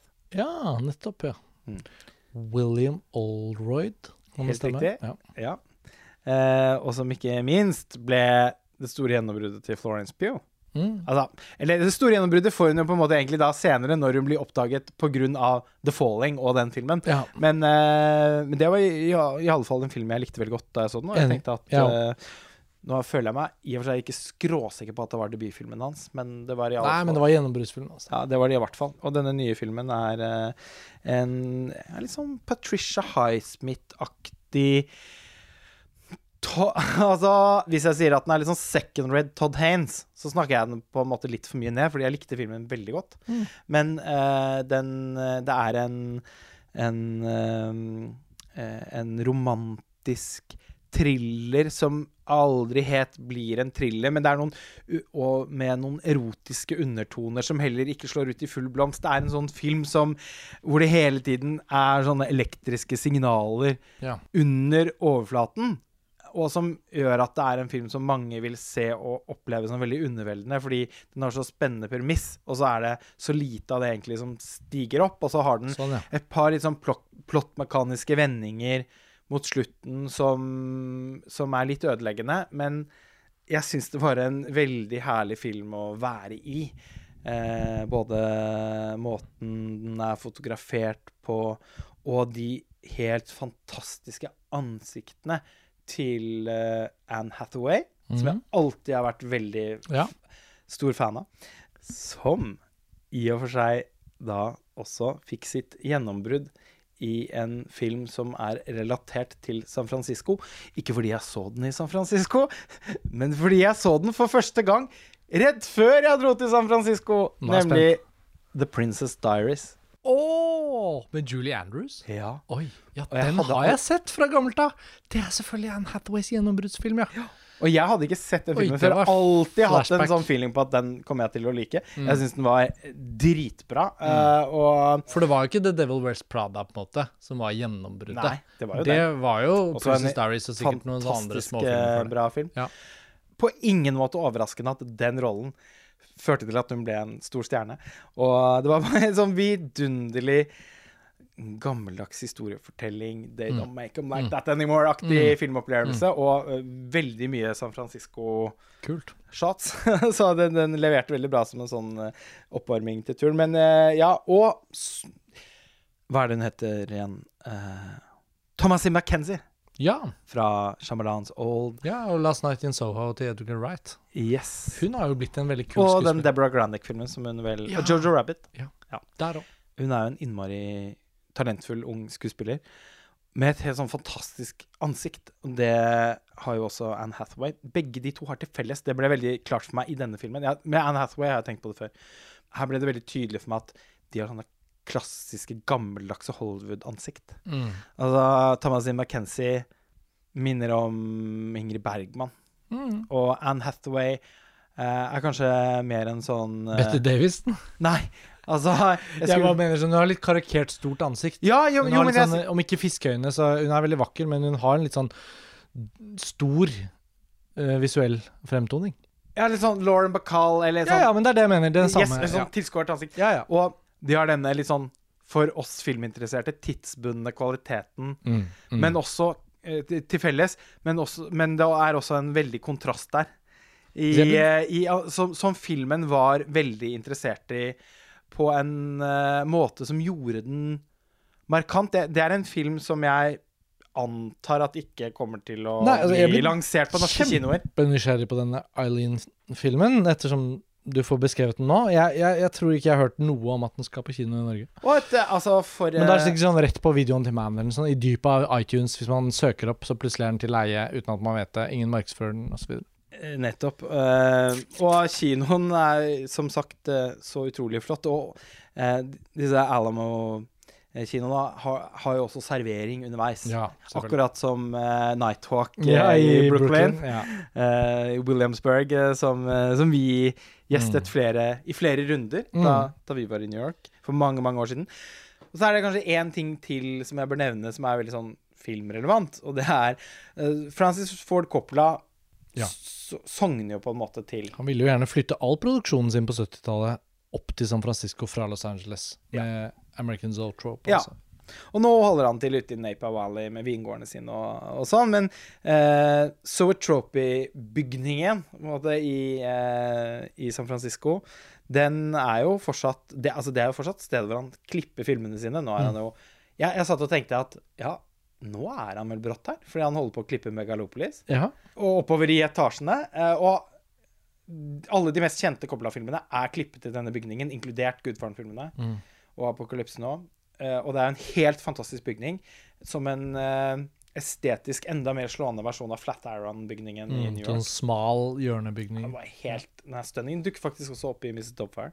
Gjør den? med en sånn irrgrønn look. Det var bare en helt makeløs bygning. Altså, den burde folk google for å se, fordi jeg vet jo, jeg har sett den eh, på, Ja. bild, på bildet, så Yes. jeg vet hvilken du snakker om. Men for de som ikke vet det, så Og den ligger rett foran eh, Transamerica Pyramid, som jo også er så ikonisk. Denne Ja. pyramidetrekantformede ja. skyskraperen. Timelapsen i Zodiac tenker jeg på, da. Ja, som jo selvfølgelig også er en av de store San Francisco-filmene. Uh, og det er, det, det er da Francis Ford Coppolas kafé. Der er det Og restaurant. Og bar. Og det er et helt utrolig vakkert utsmykket, designet lokale. Der hver minste detalj er tenkt på. Og hvor det er masse memorabilia fra både Francis Ford og Sofia Coppolas karrierer. Wow. Det selges produkter fra vingården. Mm. Eh, man kunne selvfølgelig få kjøpt den nye Sofia Coppola-boken der, som vi også er nødt til å lage en episode om på et tidspunkt. Vi har jo da gått til landskaffelse Ja, av altså, den. vi har jo lenge snakket om den første bokepisoden av Ja, Fysisk det er ganske mange Ja, kandidater den, kandidater eh, ja, nå som melder seg. det er nært forestående, får vi si. Mange av rettene som serveres der, er da også basert på Coppolas egne oppskrifter. Han er jo veldig opptatt av mat og drikke. Og vinene er selvfølgelig fra, fra gården hans. Og eh, det var eh, utrolig høy kvalitet på alt der. Et helt vidunderlig bra måltid. Både pizzaen, pastaen, antipastirettene og selvfølgelig helt eh, vidunderlig vin. Og noen innmari gode drinker. Dette var ikke en, Jeg var innom der eh, i tre runder. Eh, også fordi det var et sånt sted hvor det passet De hadde happy hour eh, på ukedagene. Så var sånn, Hvis man først var nede i det området, så passet det veldig godt å svinge innom der for, eh, for et par drinker. Eksempel hvis man skulle innom den legendariske City Lights-bokhandelen, som ligger ja, et par kvartaler opp i samme gate, som hadde et ganske fint utvalg med, med filmbøker, der jeg endte opp med å kjøpe en bok om uh, filmlocations uh, i San Francisco. Treffende, da. For vi nevnte jo det i starten, at du kunne egentlig hatt en sånn matpodkast. Ja, jeg kan jo si, altså, det er jo ikke mange av de viktige restaurantene å ha spist på i San Francisco som jeg da ikke har besøkt i løpet av den Ja, jeg. Men håper jo du utnyttet tiden når du var der. det, det gjorde jeg absolutt, og det var altså noen uh, fantastisk uh, spennende opplevelser, men som ja, som ikke hører hjemme å, snakke om i denne podkasten, selv om det da selvfølgelig også har vært nok en sånn litt sånn reisebrevaktig episode. Lars Ole, tusen takk for at du deler alle disse detaljrike observasjonene og erfaringene, og i det hele tatt, syns jeg personlig, veldig underholdende anekdotiske kjøpene. Jeg hadde hørt nesten ingenting av dette fra før av, så det var ikke sånn at vi hadde forberedt denne episoden. Det ble lenger enn Vi har hatt så mye annet å snakke Ja, om. altså, det har vært ferie, og det har vært mye annet som har skjedd, så dette var veldig sånn hyggelig, må jeg si selv, at uh, vi fikk pratet om alt. Jeg håper lytterne har hatt glede av det. Jeg syns jo vi har etablert en tone i Fysisk formatspalten hvor vi kan være utflytende og digressive, som podkast egentlig kanskje bør være, da. Ja. Savner jo litt den løsslupne formen. Og dette er et rom der vi kan Absolutt. utforske det. Nå ligger disse videogrammene litt mer utover enn de gjorde i starten. Det gjør det. Innmari gøy å observere. Lars Ole, vi er jo snart tilbake. Dette er jo starten på et nytt år, så vi har innmari mye podkaststoff på gang. Ting som allerede er spilt inn, skal komme, osv. osv. Vi høres i hvert fall igjen veldig snart. Takk for at dere hører på. Lars Ole, takk for nå. Takk for nå. Ha det bra.